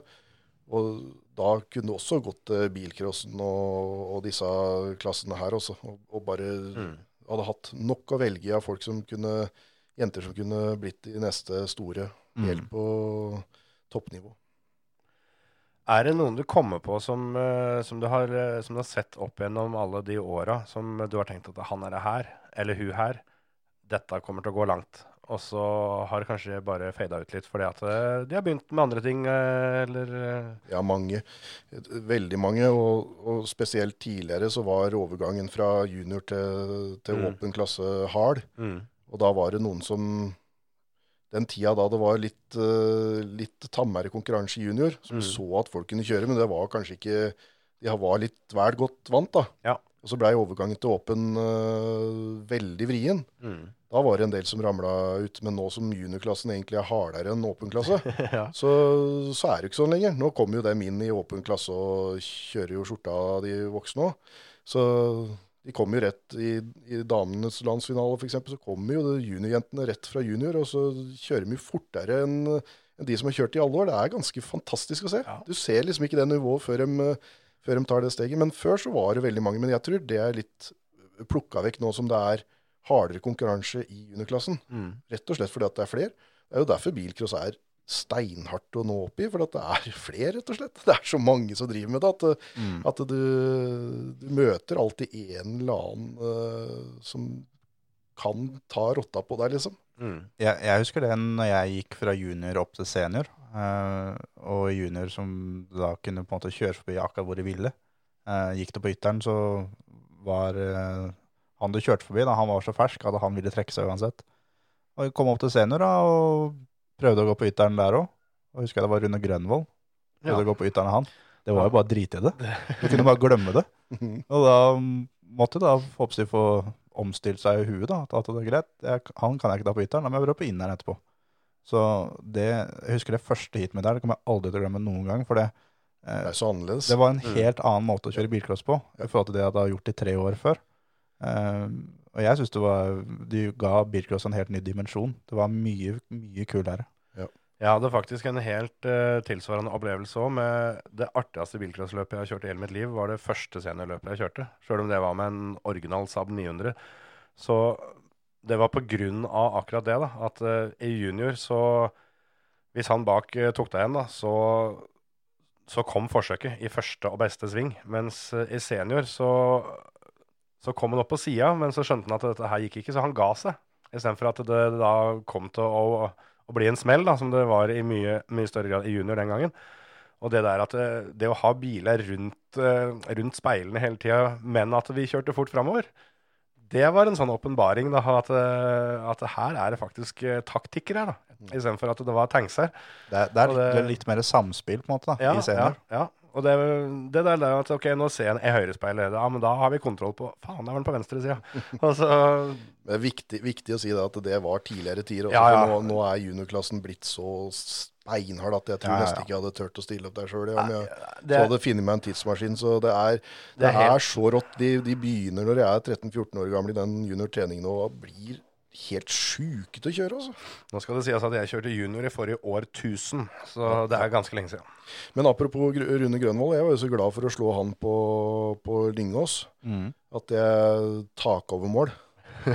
så, så Rune Grønvold skal du ikke kødde med. Altså han da, da var den Renaulten blå på alle ender og bauger. Og så blei den litt sånn uten lakk på taket da, akkurat over målgang. Og allikevel så er ikke det den mest spektakulære Lyngås-målgangen i dette Nei, for den står du for. Det, den er eh, godt bevart på teip, og det er da en eh, kvadruppel eh, dobbeltsladd før du klinker i autovernet rett ved skotuppen til målflaggmannen. Ja, er, eh, Var, var det den Volvo 142 som var så pen? ja, Så pent mala? Kan, kan ikke du fortelle farvene på den bilen? Eh, ja, det var eh, Det husker jeg det var en bil vi drev og Eller vi hadde vel kjøpt bilen eh, som bilcrossbil, men så drev vi og, og ordna på den ganske mye for å få den løpsklar. Men når denne her skulle males, så var ikke jeg med i verkstedet. Og det, da var det vel kanskje en liten lærepenge, da, at hvis ikke du er med, så får du ta det du får. Så da var det fattern og en, eh, han som han delte verkstedet med den gangen, de, de skulle male den, og de fant noe sånn der turkis husmaling som de hadde en del til overs fra. Og klinte det på bilen, eh, diagonaldelt med svart og rød, som det da gikk, gikk framover i der. Det er jo en, kjempekombo. Det er jo ikke det styggeste jeg har sett av bil Kjetil har hatt på banen. For det styggeste er veiføringa til, til en Volvo der eh, det hadde satt eh, framdemperne feil vei eller et eller annet sånt på stormønstring for juniorer eh, på Hakkavika. Da, den gikk altså og hoppa så jævlig, den bilen, at jeg har ikke sett noe verre noen gang. Nei, det, det, det, det tror jeg vel nesten ikke er mulig å få verre. Du kan kanskje klare å tangere ved å gjøre, gjøre det likt, men eh, Jeg, Den- tror, jeg tror kjørestilen din også virka Ja. for du bremsa hver gang du landa. Ja, du måtte, du måtte korrigere og svinge og bremse når du hadde hjula ned igjen. Eh, men det skal sies at det blei uh, A-finale og femteplass med, med dette greiene her. Jeg var- delte bil med pappa, og han trakk seg etter eh, Jeg husker ikke om det var første eller andre omgang når vi fant ut dette her. Det var ganske tidlig på dagen, for det, begge framdemperne endte jo med å bli revet i sund. Og det hoppa og spratt, men jeg, jeg var jo 16 år eller noe sånt og syntes det var veldig moro å kjøre bil. Så jeg ville bare fortsette. Og det, Syns du rister enda, jeg. ja, det Men uh, det skal sies, da var det, det er et godt eksempel på tidligere tider i juniorklasse. For det, Ja. du hadde ikke vært i A-finalen i dag med, med den Nei, der. nei, da hadde det nok ikke vært i nærheten. Det, det var jo Det var jo ikke Altså, det var veldig sjelden. da, Det var kanskje når vi hadde sånn eh, stormønstringsløp og sånn, at det var mer enn eh, 20 biler med. Det var vel knapt nok mer enn 15 med noen gang. For det var jo Jeg kjørte jo junior, begynte i 97, og det tror jeg vel var andre eller tredje sesongen hvor det var juniorklasse i, i det hele tatt. Så det var ganske ferskt eh, den gangen, og nå, eh, etter, etter så mange år, så Jeg opplevde jo en gang å- at bilen min ble solgt til eh, Det var før junior trening kom. Til en, jeg tror han var 13 år gammel. Han, eh, han skulle ha den bilen, for den hadde han da sett på et løp tidligere. Hvor det da selvfølgelig ikke var jeg som kjørte den, ellers hadde han jo ikke lagt merke til det.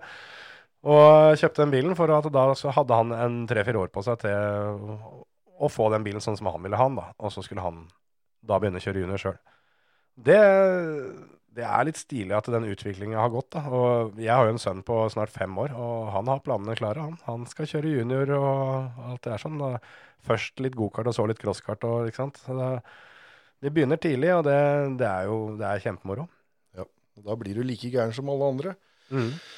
For uh, bilcrosspappaer og mammaer, dem er uh, Dem kødder du ikke med. Nei. De er, eh, men sånn er det i alle sporter. Jeg er jo veldig inne i gokart, og det er også gokartfedre. Eh, det er det eneste jeg veit om som er verre enn bilcrossfedre. Mm. For det er jo veldig ofte bilcrossfedre da, når de da begynner å kjøre gokart, og de tar med seg bilcrossmentaliteten inn i gokarten etterpå. Det er, eh, det er et kaos uten like, altså. Filma jo en del gokart for mange år siden. Og, og der var det jo sånn at eh, etter et heat så lekte ungene sammen i sandkassa og spiste is og kosa seg, mens foreldrene sloss og det f- tottene.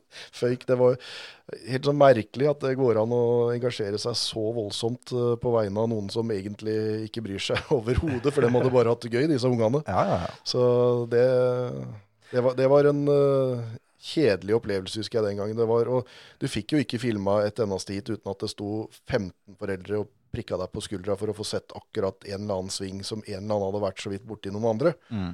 Men så var uh, ungene var jo vel forlikt. De hadde jo så gøy at Ja. de holdt jo på å kose seg gløgg, mens eh, foreldrene skulle jo krangle på enhver liten ting. Det er jo faktisk noe å, å ta til seg for eh, alle de som har unger, som om de driver med om du driver med motorsport eller fotball eller- hva det er. At det er veldig mange, veldig mange foreldre rundt der som prøver å, å hva skal jeg si, prøver å være Gjert Ingebrigtsen, men som egentlig kanskje burde ta det ned noen hakk. Og akkurat der så anbefaler jeg altså å gå tilbake og høre episoden, episode nummer to hos oss med Emil, hvor han forteller om eh, hvordan faren hans uh, har uh, hva skal jeg si, uh, vært da når han har kjørt. Alle runder han har kjørt, så har han gist tommelen opp. Alltid. Hele livet hans.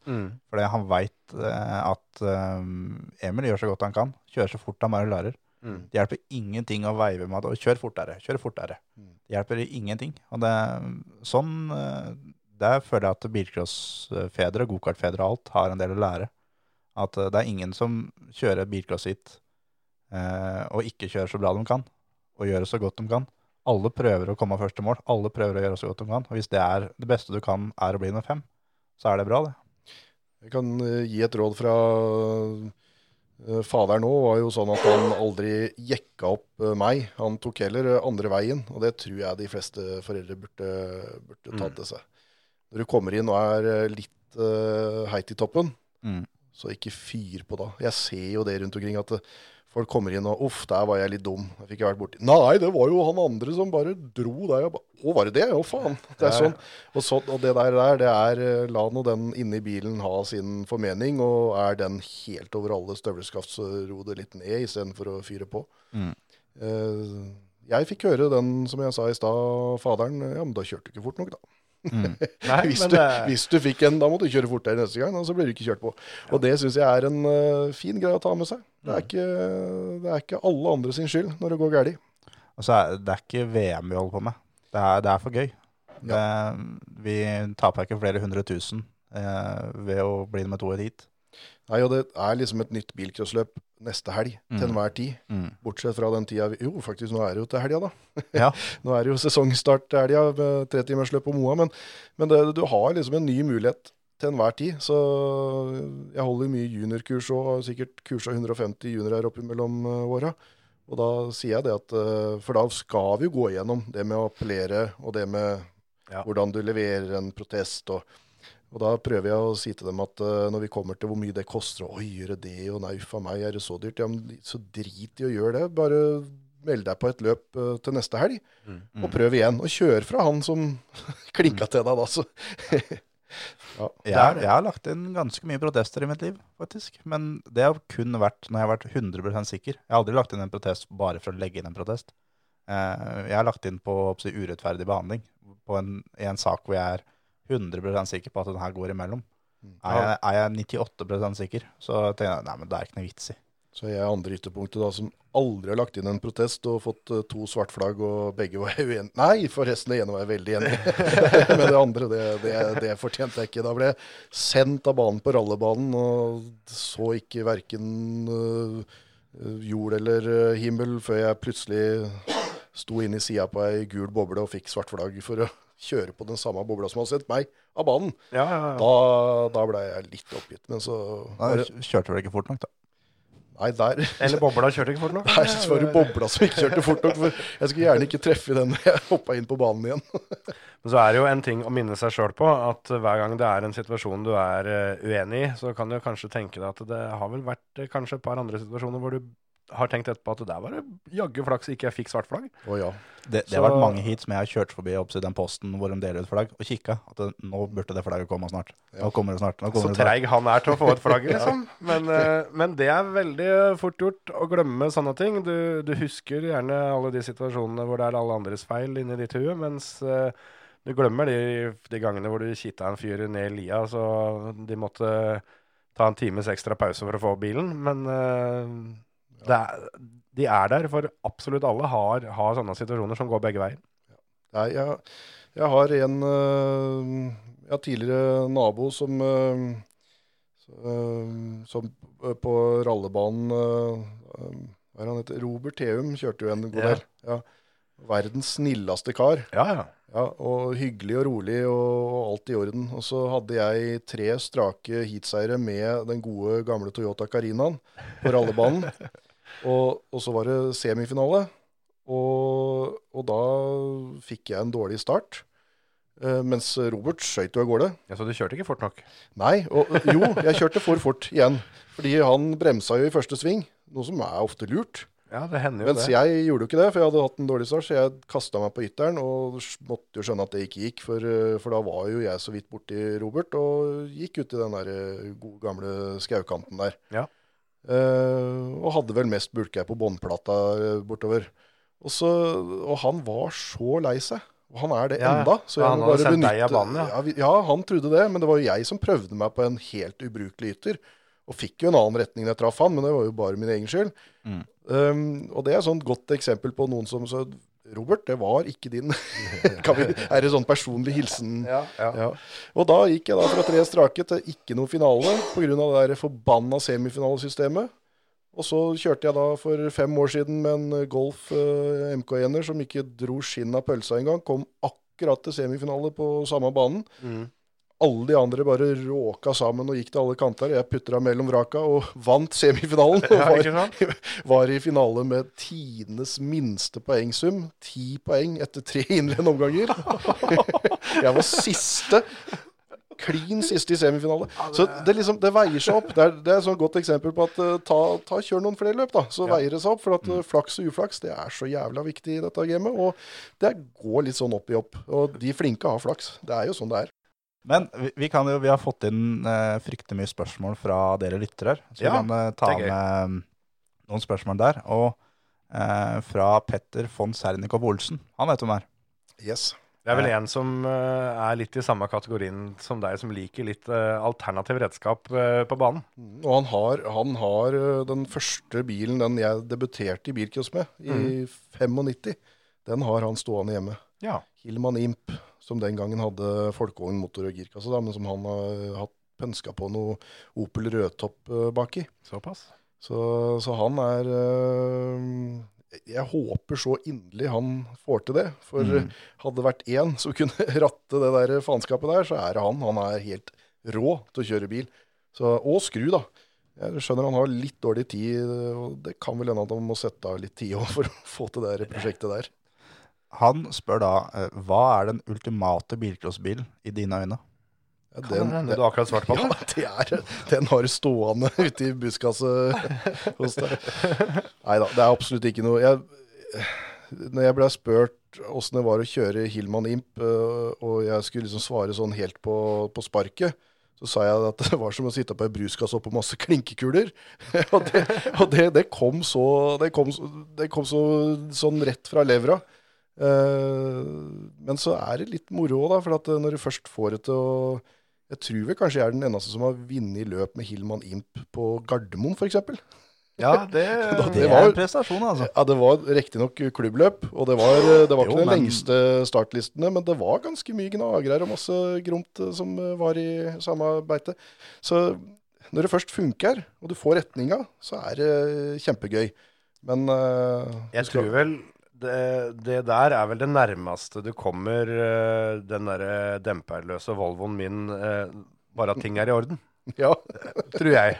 jeg. Jeg har jo sett en eh, Du har jo en del bilder hengende på veggen hjemme òg, av, av deg i Hillman og i, i litt ymse Renault her og sånn, hvor det er jo noe klaring på forhjula ned til bakken. er ofte det.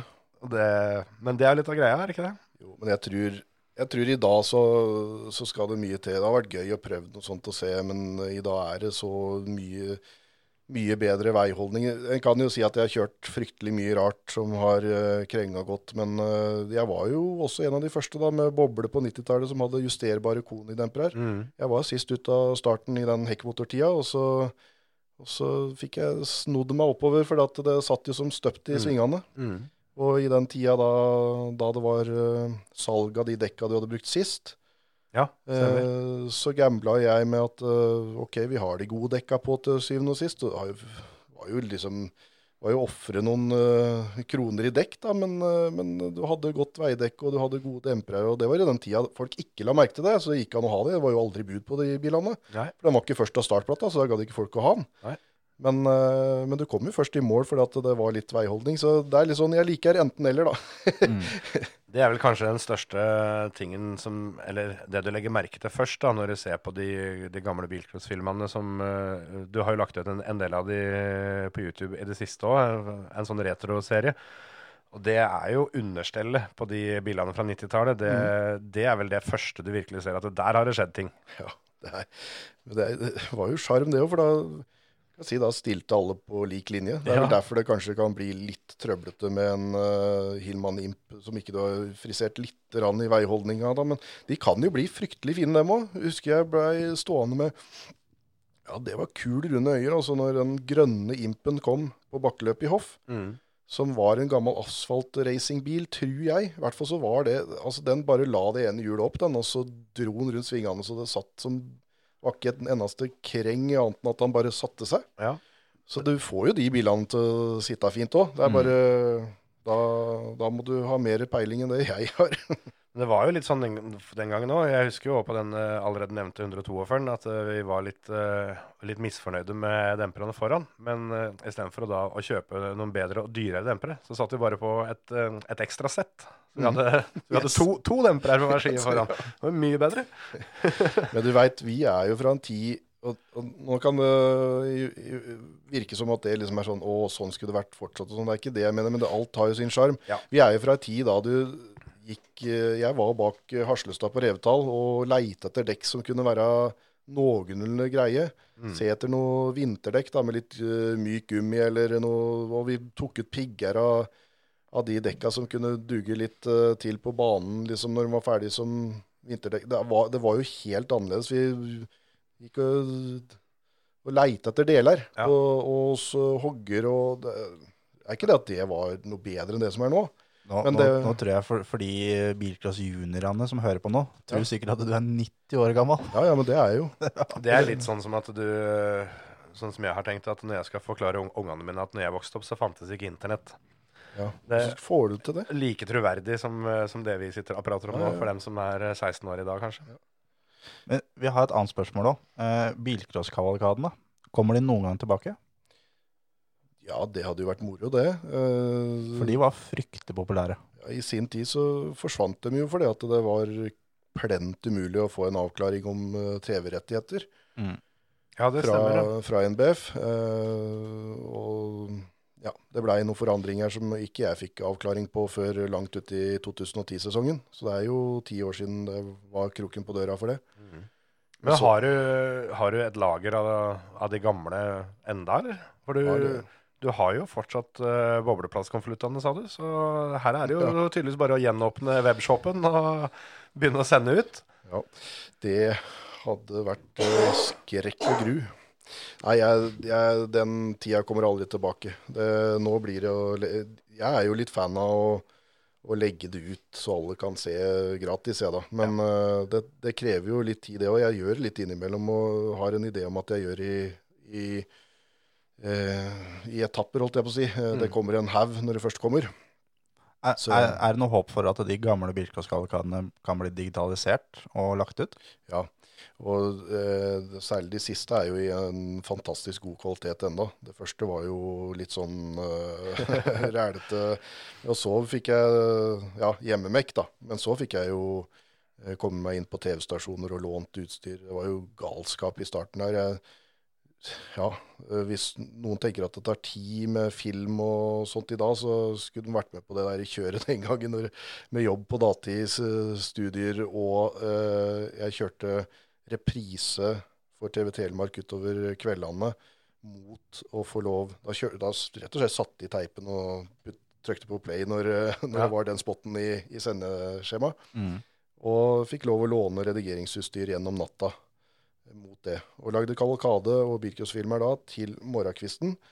Eh, og dro på skole og jobba, og tilbake for å sette på den sendinga på kvelden og redigere gjennom natta. Ja. For det var, den, det var den spotten jeg hadde for å drive med det her, og det var så gøy at jeg ofra jo både søvn og ikke mat, for at det var en uh, araber oppe i gata som, som hadde veldig god kebab, så vi blei godt kjent. Han hadde døgnåpent og ingen rettigheter. så, men, men det var, eh, var, var jo en fantastisk tid. Men jeg tror det er, det er liksom kan jo ikke tilbake til det, det galskapen der. Det begynner jo å bli 90 år, som du sier, så, Ja. Men så kan ikke holde eh, på sånn. kommer de sjøltegna covera eh, tilbake noen gang? For det husker jeg veldig godt. Når, eh, når før, du, før du printa ut et bilcrossbilde fra filmen og hadde det på utsida, så tegna du jo covera sjøl. Stemmer. Det er jo en stolt stolt epoke. Jeg ser den blir brukt der. Hender jo at de er på program og sånt enda. Ja, Det er Noen av de der eh, tegningene der de eh, dukker opp på, på program eh, på løp her og der, og som en eller annen illustrasjon da, på at det her er i løp. Så det lever, lever evig, det der kludderien der. Ja, det. Så har vi også fått et spørsmål som jeg eh, har tenkt ganske mye på. Som det fins like mange svar som det fins mennesker. Eh, det er fra Kim André Vestby. Sett sammen den ultimate A-finalen. Det har ingenting å si om sjåføren har lagt opp eller ikke. Eller om han er eh, 15 år eller 90 år eller dame eller mann. Eller. Sek, seks, seks personer. Seks personer gjennom alle de åra med bilcross som uh, Den ultimate drømme-A-finalen. Ja, vi må ha med en uh, krabat som, uh, som var bare helt eh, sinnssyk på hele Helt fra bilcrossens uh, spedstart, Endre Lie. Og jeg trodde du mente meg. Ja, Uh, nei. nei. Du var riktignok kanskje litt uh, sinnssyk uh, fra den spede starten, men Ja. eh, ikke, ikke til bilcrossens spede start. Nei, nei, ok. nei. Det er greit. Nei, eh, ah, når, jeg- når jeg ser gamle En, endre Li i første spor, altså. Ja, ja, vi tar i den rekkefølga. Ja, han kan få første valg, da tar han ikke første spor. Nei. Han, eh, når, når jeg ser gjennom gamle filmer fra bilcross tidligere, så var det han, han var den første som tenkte sånn som Altså, ingen tenkte spor i starten med bilcross. Det kom en eller annen som hadde kjørt noe asfaltracing eller drivet noe annen bilsport tidligere. Sånn som nevnte Henrik Hårberg, da, som hadde drevet med motorsport og israce og alt sammen i alle tider. De hadde litt spor og sånn. Men, men Endre var kanskje den første som vidt jeg vet, som ikke hadde vært i noe annen idretts- eller motorsportgren. da, som, som lurte folk trill rundt. Det er noen ganger, det er noen eh, videoklipp jeg har av han fra gammelt av, som er så tøft å se. Som han bare Du ser hva han pønsker på, og de går på én etter én. bare lurer seg fram. På knotete dritbaner som ikke det er mulig å kjøre forbi, ifølge noen, da. Det, er jo, det er jo de banene der det er umulig å kjøre forbi. Det er flest forbikjøringer. Sånn er det bare. Ja, ja. Så, så han må vi ha med. Vi først snakker om bilcrossens øh, begynnelse, så han øh, heter han ikke John A. Johansen. Han som jeg skrev om på bilcross.no, som var den første som rulla på taket i bilcross.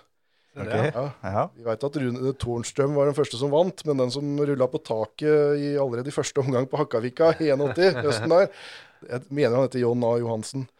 Han blei kalt eh, John H. Johansson i alle avisartikler, men, eh, men det var feil etter det jeg kan huske. Han er fra Kongsberg, kjører fortsatt uh, historisk med Mini. Han kjørte Mini den gangen. Ja, Og han blei sånn publikumsyndling som bare, bare gnagde seg oppover. ja. ja. Og han har også en, den, en historie sånn uh, om at han uh, kjørte på Momarken og tok en drivaksel, og så fikk han låne en drivaksel fra en gatebil. En publikum som bare syntes det var så gøy at han kjørte så fryktelig med den lille tassen. Men da har vi jo allerede tatt to fra historien, da. Mm. Um, Det, det, du, du, hvis du mener det, så kan du jo ta seks fra historien, men det her er gjennom nei, tiden. nei, nei vi, må, vi, må ha noen, eh, vi må ha noen i nyere tid. Da hopper vi helt til det nye. Da må vi ha med Emil Sivesin, da. Duellen Endre Lie mot Emil Sivesin, det er en duell jeg gjerne skulle sett. Altså. Ja, ja. Og, og uh, Johansen skulle jo kjøre Mini, mens, uh, mens Endre må kjøre NSU. Ja. Er ikke noe. Han kjørte jo litt annet òg, men NSU var helt absurd NSU og boble mye der, husker jeg. Og fra gammelt Men- av, så da har han danka ut sånn som Lundtein, da, med duett og, Ja, og, og Dæven, det. Vico med, med Selv om ikke det var de råeste plasseringene, så på de knotebanene som var før, så kjørte liksom en V8-er eh, amerikaner Så var han i finale her og Nei, så han, da har de danka ut mange gode gamle. Men, Men, eh, men du, jeg, det, det, det er mulig jeg husker helt feil her, men noe i bakhuet mitt som plinga her nå når vi snakker om Endre Lie, at uh, jeg tror kanskje det er du som har fortalt meg det at, det- at Endre han, han er jo stadig vekk på løpet ennå, har jo vært dommer mye og sånt nå i det siste. Og han sier vel at han har ikke lagt opp, for Nei. han har noe uoppgjort. ja, stemmer det. Ja. Det demrer et eller annet nå. Han, Han, har vel noe sånn tror- 7-98 seirer, eller Yes. ni- 99 seirer Yes. i bilcrossen, og han, han skal ha 100 før han gir seg. det var, så har han sagt til meg en gang, eh, mener jeg, uten at eh, jeg skal sitere en sånn helt umiddelbart på det før jeg har dobbeltsjekka. Ja, noe jeg Men, men, men han har akkurat rett under 100 seirer når han har eh, summert opp. Jeg mener Ja. det, altså. Eller om, om det er noen andre som har summert opp, for jeg tror ikke han helt uh, har telt det sjøl. Jeg veit ikke. Det, han eh, var vel mer opptatt av å kjøre enn å, enn å akkurat eh, telle meritter. For Ja. han, eh, den kjøringa hans sist, den viste i hvert fall at han hadde full fokus på åssen det skulle rattes. Ja. ja men da, da kan det hende han får den hundrede seieren i, i denne drømmefinalen. Ja, det kan godt hende. Da, da har, vi, har vi tre. Da er det tre igjen. Ja, vi må ha med noen raske damer. Em, jeg må jo si jeg blei veldig imponert over eh, Marte Martinsen når hun kom opp fra eh, junior og videre oppover. Em, og Anne Skollerud, som vant uh, damelandsfinalen på øs pøs regnvær på, i Valdres i fjor Med boble. med boble, og Mm. kjørte så fornuftig og fort at jeg, jeg tror ikke en eneste annen konkurrent kunne gjort det samme hun gjorde med boble der. Så fornuftig og kjapt kjørt. Um, Og Malin Gjerstad, som er historisk, med juniorlandsfinaleseier, damelandsfinaleseier og tredjeplass og pallplass også i åpen landsfinale på samme år, for elleve år siden, 2009. Blei slått av sånne småkarer som Even Frøshaug. Ja, Even Frøshaug må vi ha med. Ja, for Da faen. bare kjør inn han med en gang, Ja. i boble. Da har vi ei boble òg. Da har Ja, vi Mini, boble, Volvo. Eh, Selvfølgelig Emil må jo kjøre Volvo, ja. Volvo 240 Og Ja. NSU. og NSU. Da, da har vi fire plasser. Men, og da tok vi ikke noe Ja, men da har vi allerede boble, da, så da må vi ikke Da kanskje Anne ryker på grunn av det. Anne Skålerud. Da for, vi kan ikke ha for mange bobler heller. Nei, det er kjedelig. Er to for mange? Nei, det er ikke det, vet du. men vi har ikke noe golf, så da blir det Marte Martinsen. Marte okay. Martinsen, Ja, som i golf. eh, med, hun får femtevalget. Ja. Oi, én igjen. Kan vi ikke kjøre på Momarken, da, så blir 80 av finalen. Ja, du, altså Hvis du er så ivrig, så kan du jo altså Sjettesporet her eh, har jo opprykk fra B-finalen, så kan jeg Ja, fortelle så- hvem, hvem vedkommende kjører fra B-finalen. Ja, det, det var en veldig god idé. Oi, oi, oi. Nei, vi har jo masse Nei, det, det, den, den siste der er jo Det bare florerer 3000 navn i huet på meg nå, som eh, så- Og så kanskje 1000 av dem eh, slåss om den, da.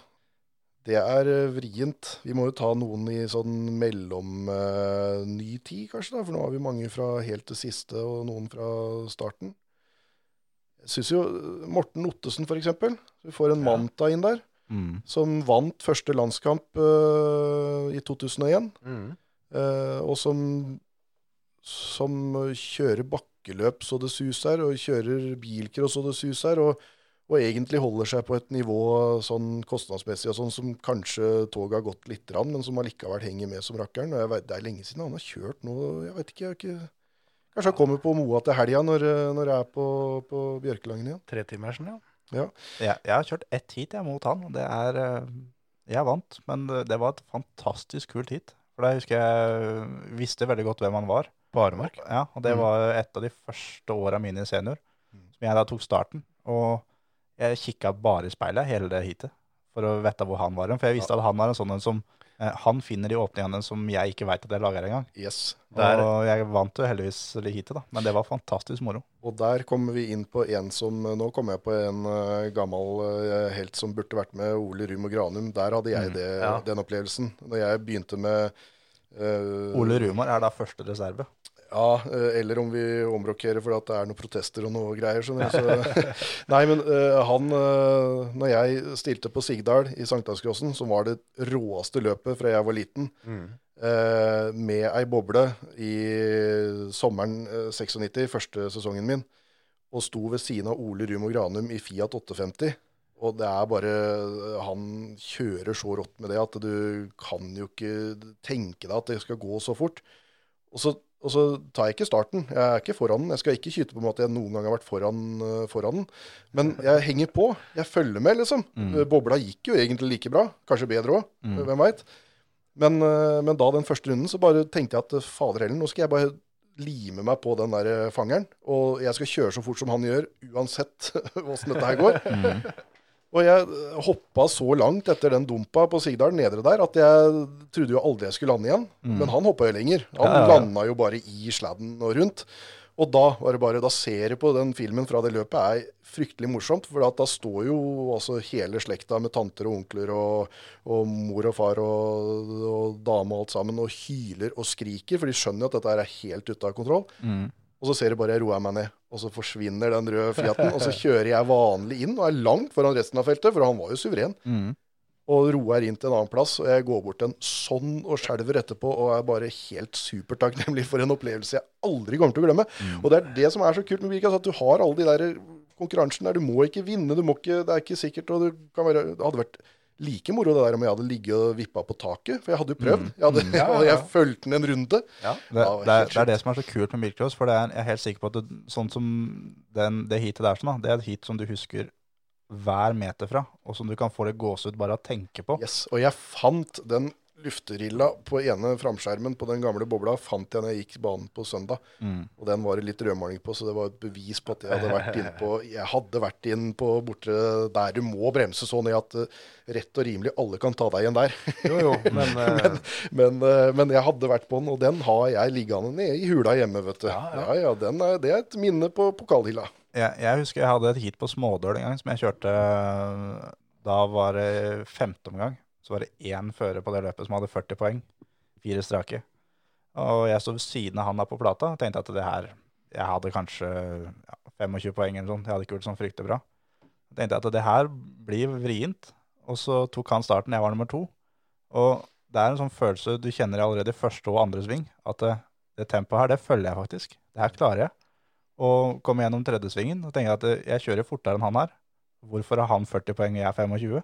Og da er det som, Du veit allerede da at du kommer til å vinne det hit her. Den følelsen der, det er en sånn følelse som de som aldri har drevet med motorsport, de kommer aldri til å kjenne den følelsen. For det er en sånn følelse som du får gåsehud bare av å tenke på det. Ja, det er dritdeilig. Jeg hadde en sånn følelse om at uh, da jeg vant NM-runde i bakkeløp med golfen, så hadde jeg en sånn følelse fra, fra første start jeg på det løpet at dette her tar jeg. Når du har den der, det er, det er så merkelig. Det er, da, da kan du nesten bli Nei, da kan du nesten bli religiøs, altså. Ja, du, ja, det, det, er, det, ikke jeg Du, du har jo ikke den sjøltilliten uten at det er et eller annet som bare drar deg opp i, i en eller annen fart du ikke visste du hadde. Så det er og, Og det, det er jo akkurat den følelsen der som alle har lyst til å eh, få en gang til. Det er derfor vi kjører løp etter løp etter løp etter løp. og ingen gir seg. Jeg har en regnskapsfører som kjørte junior sammen med deg, Kjetil. ja.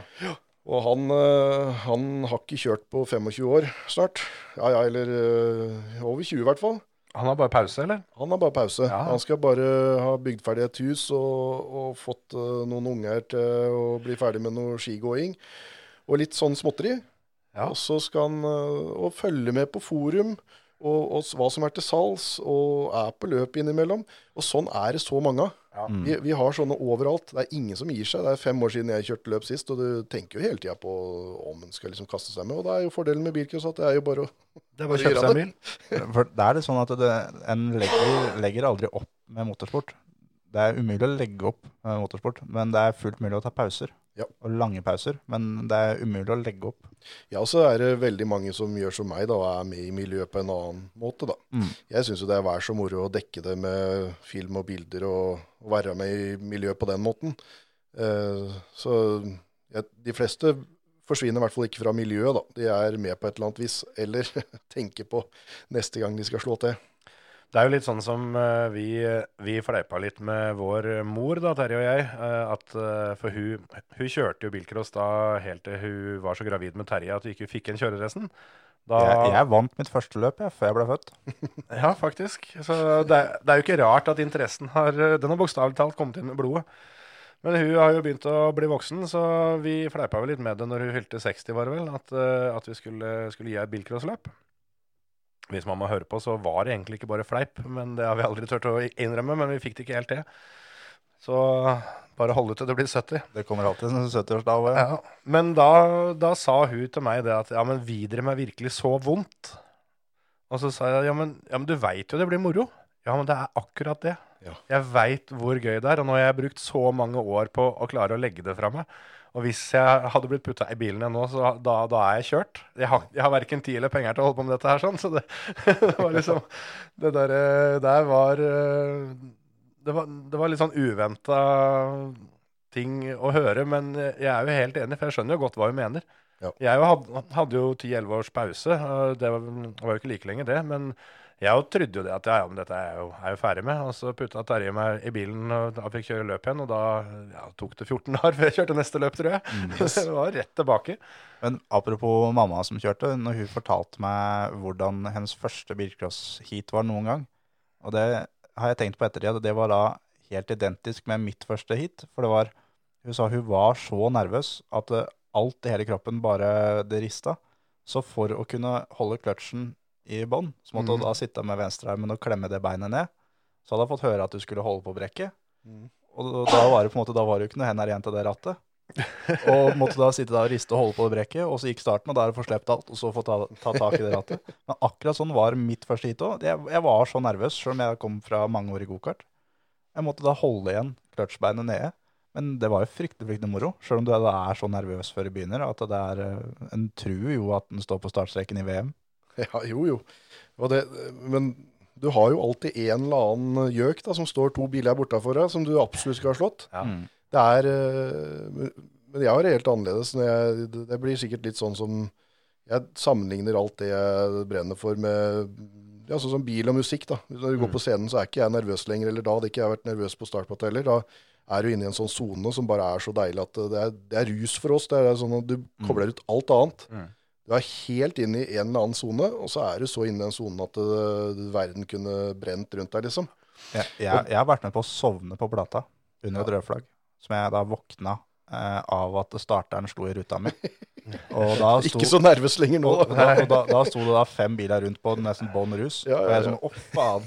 Og starta opp og trykte på start og gitt tommelen opp og tok jo starten, da. Men da, var sånn Da var det venstrehanda på, på det venstre kløtsjkneet og Nei, da, da det gikk faktisk ganske over, det greiene der. Da. Men det, det jeg husker jeg fortalte det til mamma. At jeg liksom spurte hvorfor det tok så lang tid, hvorfor starteren sto så lenge foran bilen min. Så sa jeg nei, jeg sovna jo, da. Hva? Sovna? Det er jo ikke mulig, det. Så, jo, det var rødflagg. Jeg satt og fiksa med turtelleren litt og fikk ordna den. Og så hadde jeg ikke noe mer der å gjøre. Liksom. Ja, kan jeg lukke øya litt. Da.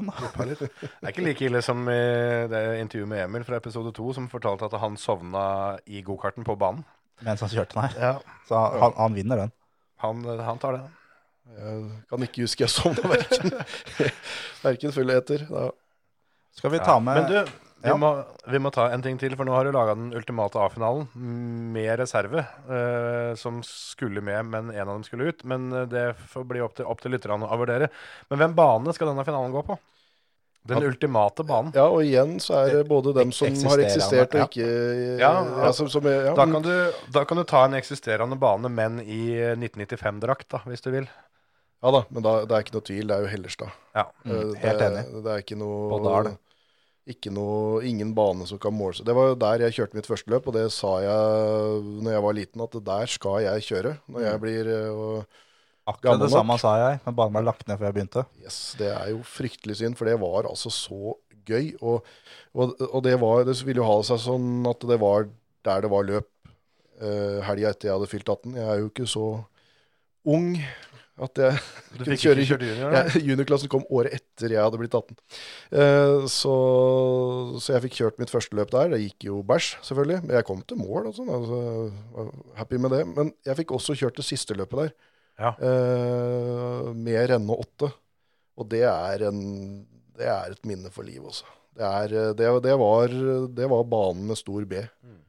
Eh, hvis noen kunne gjenskapt den, så hadde Og så ikke minst, det var jo arrangement som, så, som overgår alt. eh, til og med det vi skyter av nå. For der var det over 300 biler som jeg kan huske. Eh, jeg, jeg dobbeltsjekker alt før jeg skriver ting også. Jeg, Ja, ja. Men jeg mener det var flere hundre biler. Ja. og, og det var eh, På føremøtet så ble det bare gitt beskjed om at uh, her blir, uh, her blir bilene lempa inn på innebane, og så tar vi bare skytteltrafikk i pausa. Mm. Og hvis noen der var sånn Hei, vi skal ha plan, eller nei, du kjørte pallegaflene gjennom den ruta som faktisk var hel, så var det bare hysj, hysj, hysj, kom, kurs, kurs. Og så var det, det var noen arrangement som gikk så unna, og det skjedde noe hele tida. Det var eh, Der var det publikum i høysetet, da. Eh, Og sjåførene stilte på like vilkår i forhold til alt dette her eh, med bergning og Mm. og du fikk ikke bilen inn med en gang, du måtte skru eh, etterpå, liksom. Og, eh, men det der var faktisk eh, Det var likt for alle, og kanskje noe å lære for arrangører i dag. Ja, det, det er en ting jeg har tenkt ofte på. At det er en del arrangementer arrangement i dag hvor en er publikummer og får litt følelsen at ting tar for lang tid. Og da er, jo det knepet der er jo en Jo, jo, men da, da skal du ha planbil for hver eneste Ja. lille Ja. eh, havari. Ja, så, så, har, så har du bomma, liksom. Ja. Men dette var jo ekstremt andre veien. Der eh, jeg har det på film at det er en som har rulla, og det er ei rute hel, og den går når pallegaflene blir kjørt igjennom. Og han blir forbanna, men det er liksom bare Hold an, dette har du fått info om. Her, eh, her kjører vi billøp. Da får du sende inn en protest skriftlig etter løpet, og så skal vi ta det til en evaluering. Ja. Jeg fikk aldri kjørt på den banen sjøl. For, for min del så var det jo Hannevollbanen som, som jeg hadde vokst opp på, mer eller mindre, som jeg skulle kjøre på. Og den ble lagt ned sesongen før som jeg begynte å kjøre. Så, men på Dal, jeg tror faktisk jeg presterte å aldri være der som publikummer heller. Jeg kan i hvert fall ikke huske det. Men eh, jeg hadde muligheten, for den, eh, jeg kunne vel kjørt hele juniorkarrieren min på Dal. Både pappa og mamma har vel kjørt her. Ja, da har jeg sikkert vært der òg. Det verste for meg når jeg debuterte på Hellerstad, var jo det at faderen Med, hadde med, kjørt der. med bil, eller? Debuterte med bil? Ja, ja, Ja. bil nå, ja. Eh, da, da hadde jo faderen kjørt det forrige løpet der, Mm. og kom på annenplass med den samme Hilman Impen. Ja, så du måtte liksom Og levere? han, nei, og han spikeren, han, eh, han så jo bare Ormestad og Hilman Imp, Ja. og var helt over seg over den, eh, og, og fælt den bilen gikk, og at det liksom var, eh, var A-finale. Det var han vi så sist gang. ja. Nei, det var ikke det. det var ikke det. Sitter jeg inni den bilen der og, og prøver Nei, liksom å nei. Det er ikke Og så går starten, og spikeren, han Altså, det er, det er kanskje den mest intensive roinga en spiker noen gang har foretatt seg. For, for, for han har fortsatt meg som favoritt helt til jeg har blitt eh, kjørt forbi en femsylindra Audi som uh, tuke er mer enn en uh, krigsbil på knott, liksom. Det er eh, Men, men eh, da kan jeg kanskje ha fått litt den ristinga som du snakka om, Terje. For at eh, når du setter lista der oppe, og du Mm. veit at den skulle ligge nederst helt ned til gulvet Ja. Men vi kan jo ta med et siste spørsmål eh, fra Preben Valle. Hva er favorittsvingen din å filme eller ta bilder? Og også favorittsvingen å kjøre sjøl? Det kan være to forskjellige svinger, altså. Har du ett punkt på en eller annen bane hvor du bare veit at der skal jeg stå, for der skjer det alltid mye faenskap. Jeg hadde jo startsvingen på Lånke. Mm.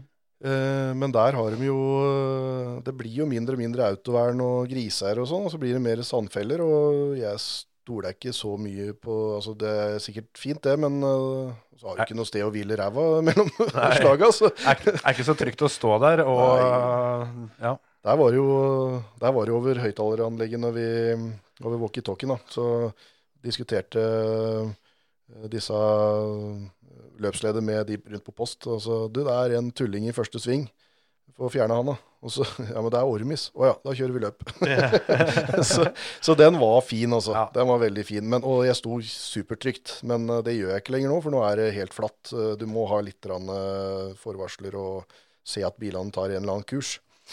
Ehm, Du har jo hatt noen episoder hvor du har fått bilene tett innpå, men det har jo stort sett gått sånn tålelig greit. Du, du er en av få fotografer som tar ett skritt tilbake bare, men ikke løper. ja, Fordi, jeg- fordi du skjønner hva som skjer. da. Ja da. Eh, Og jeg jeg har hatt mange diskusjoner med veldig mange funksjonærer rundt omkring. Jeg syns det er veldig mange dumme råd til fotografer. Eh, Det verste jeg ser, er en eller annen lokalavisjournalist som blir eh, skremt ut eh, på et løp som ikke veit hva som foregår, og får noen råd av funksjonærene. Stå der, du. Og så tror du det er trygt. Så det kan sikkert noen ganger se ut som jeg ikke veit hva jeg driver med, men jeg har jo aldri blitt treffet av noen verdens ting. og jeg vil ikke gamble med livet, men er, ja, jeg skulle ønske at den ekspertisen jeg har, som har stått på hauger og filma og tatt bilder i hele mitt liv, kan vi snart si, for at de der øh, 12-13 åra i starten her, dem øh, begynner å bli fælt få i prosentandel. ja. Så, så burde egentlig det blitt uh, tatt litt mer hensyn til. For uh, ja, seinest nå i fjor, på, på, på sommerfestivalen uh, på Brekka, så fikk jeg noen øh, råd øh, som var helt borti natta. Mm. Men som jeg må høre på, da. Så, Ja. men, men som er øh, Det er farligere å stå der jeg får beskjed om, enn der jeg sto. Mm. Uh, ja. Men, men jeg, jeg ser for meg et sånn fint uh, sted å ta bilder av første svingen på Gol, f.eks. Ja, Kan det det, være en drøm. en drømmesving? Det er en drøm. Uh, og eh, faktisk sexy-svingen på Smådøl. For, for, Eh, for, det, for det spørsmålet her er jo litt sånn Hvis du måtte valgt deg én sving herfra ut, som det er eneste stedet du kan få lov å ta bilder Ja, da hadde jeg slutta å ta bilder, for jeg må jo gå rundt. Må Litt- gå rundt og leite. Leit. Liten eh, vidvinkel eh, over haugen på Gol. Det er jo ikke å forakte det. Nei, for der skjer jo mest. Men jeg syns det er Seksysvingen på Smådøl var faktisk den jeg tenkte på først sånn Fordi at eh, den er så Den nyper, og den er så brå at du Du får uh, sjøl den trausteste framhjulstrekker som skal kjøres så smalt du bare prøver på. Det skal vi se på landsfinalen til, Ja. til året, Ja. eller i august. Uh, vil få en liten deilig slepp der, altså. Mm. Så når den er preppa og fin men, men, da, men du sa det at jeg kunne velge to forskjellige svinger i forhold til kjøre. Og, Ja, jeg, kjøre har, jeg har jo den mest dramatiske opplevelsen jeg noensinne har blitt utsatt for på i den seksersvingen, Ja. med Lada. Så selvsagt en Lada, ja. Ja, ja, det var jo tidenes rundkast. Jeg hadde jo opptil flere riper på krumlista. så jeg tippa jo så pent på sida der. Eller det var voldsomt. Ja. Ja, så så jeg, jeg har ikke noen gode minner fra. Jeg har vært borti myra der òg. Nei, jeg, jeg tror nok det. Eh, Men i alle tider så kanskje startsvingen på Lånke. For der var det Mm. også en sånn fin, lang sving som du bare måtte måtte du, ja, vi kjenner det fra dørt. Det er egentlig den svingen du får eh, i alternativsporet, nesten. Ja.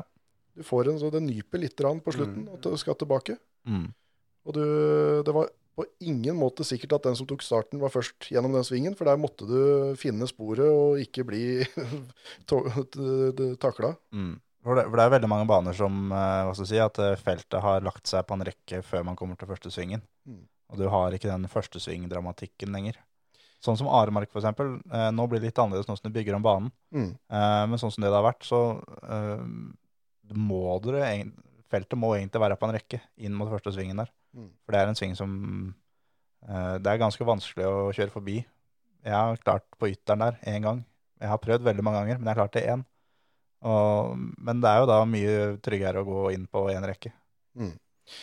Jeg tror, eh, sånn som den banen blir bygd om nå, så kommer den juniornasjonalen i år til å bli helt sinnssykt rå. Det Mm. er eh, med alternativspor ut eh, der, så du kan få gjort unna det allerede etter starten. Hvis du får en dårlig start, så er det noen joker nå som kommer til å ligge bak i feltet, som bare gnager seg oppover. Og så er det det da å se Emil Sivesen ned hovedsporet som er på grus, i nedoverbakke, og doserte svinger i nedoverbakke. Ja. Han der sånn. Det, Og der er det fint å stå på innersving ned der. Ja, det er så mange fine plasser eh, rundt omkring, men det er i hvert fall ikke opp i en, eh, et høyt sted i en eh, kran eller et eller annet sånt, eh, så du får noen prikker langt ned på bakken. Du må stå Favorittsvingen min, eller sted å stå, det er ned på bakken og Mm. tettest mulig på uten å bli kjørt ned. Ja, og med bilen ikke så veldig langt unna, som, som Terje og jeg prata litt om før du kom. At du er ganske god på det, å få med deg bilen inn på indre bane og, og finne deg en god parkering der. Yes. Vi, hvis du så på direktesendinga på NRK i, eh, fra eh, EM-runden på Lyngås eh, tidlig på 2000-tall, ja, det stemmer. yes, så kom det en svart Audi 80 diesel og tuka over startplata mellom heatet til Martin Skanke og Ludvig Kunstvedt. For da kjørte vi bare med pressekortet ute og så du, vi skulle bare hatt en fin plass å stå, vi. Og hadde jo for så vidt oppdrag for både lokal-TV og lokalaviser, så vi, vi hadde jo en jobb å gjøre. Men at vi blei geleida inn på oppvarming og eh, dekkvarming der, og ut på startplata, og så over foran publikum som hoia og skreik mens vi ga på alt det Audi 80 orka. Ja da, så vi har mange vi har mange fine en, en eh, adkomst, hva heter det? En, tre, en, En treer, ja. En treer. Ja, ja. ja. Svinger inn uh, på, på startplata på EM-runden. Ja, det, er, uh, det var ikke det de hadde regna med å se spinne over startplata. Litt, uh, litt kontraster, kanskje, til det, til det som skjedde minuttene før og etter.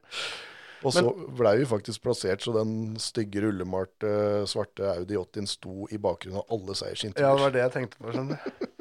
Men du, apropos uh, entré, så tror jeg kanskje vi har kommet til veis ende. Smooth overgang der. Jeg tror, eh, jeg tror det helt sikkert er veldig mange som har veldig mye mer de gjerne ville hørt om eh, når det gjelder bilcross. Og vi har jo lova at vi skal ha mye mer bilcross når sesongen kommer godt i gang. Så det er ikke sikkert det er siste gangen eh, vi inviterer deg hit, Stian. Og etter hvert som noen slår den tida di på dirt, så tenker jeg du er mer enn villig til å komme tilbake òg. Gjerne det. Og ja, det hadde jo vært jeg. Jeg stiller gjerne opp jeg for å prate om bilcross underveis. Det hadde vært artig med sånn korte snutter hvor vi prater litt om eh, det som har skjedd og det som skal skje. Det er uh, mer enn nok å ta tak i. I, og den sesongen som kommer nå, er helt uh, fantastisk. det er noen nykommere her nå som jeg er veldig spent på. Og det er noen gamle, gode løp som eh, s- vrir et ett ekstra hakk. Skal vi, skal vi ta den helt på tampen, om, om du har et par navn å, å holde øyet oppe for i bilcross-sesongen 2020? Ja, vi har jo nevnt eh, noen av dem allerede. Jeg er ganske sikker på at, eh, at eh, han vi digger i svart Volvo skal gjøre noe mer eh, sprell. Ja. Eh, jeg tror faktisk sånn som når vi snakker bilcross.no Cup f.eks., så Morten Sæteren, som, eh, som er en god gammel sliter på Kongsberg, som får den finalen der på hjemmebane. Ja. Eh, han kommer til å Det er litt gøy å følge noen som satser skikkelig liksom, på ett mål. Mm, Og Det tror jeg han kommer til å gjøre. Og, ja, og det er noen som allerede nå til helga på tretimersløpet har De reiser langt når du reiser fra Bergen med fem team, liksom.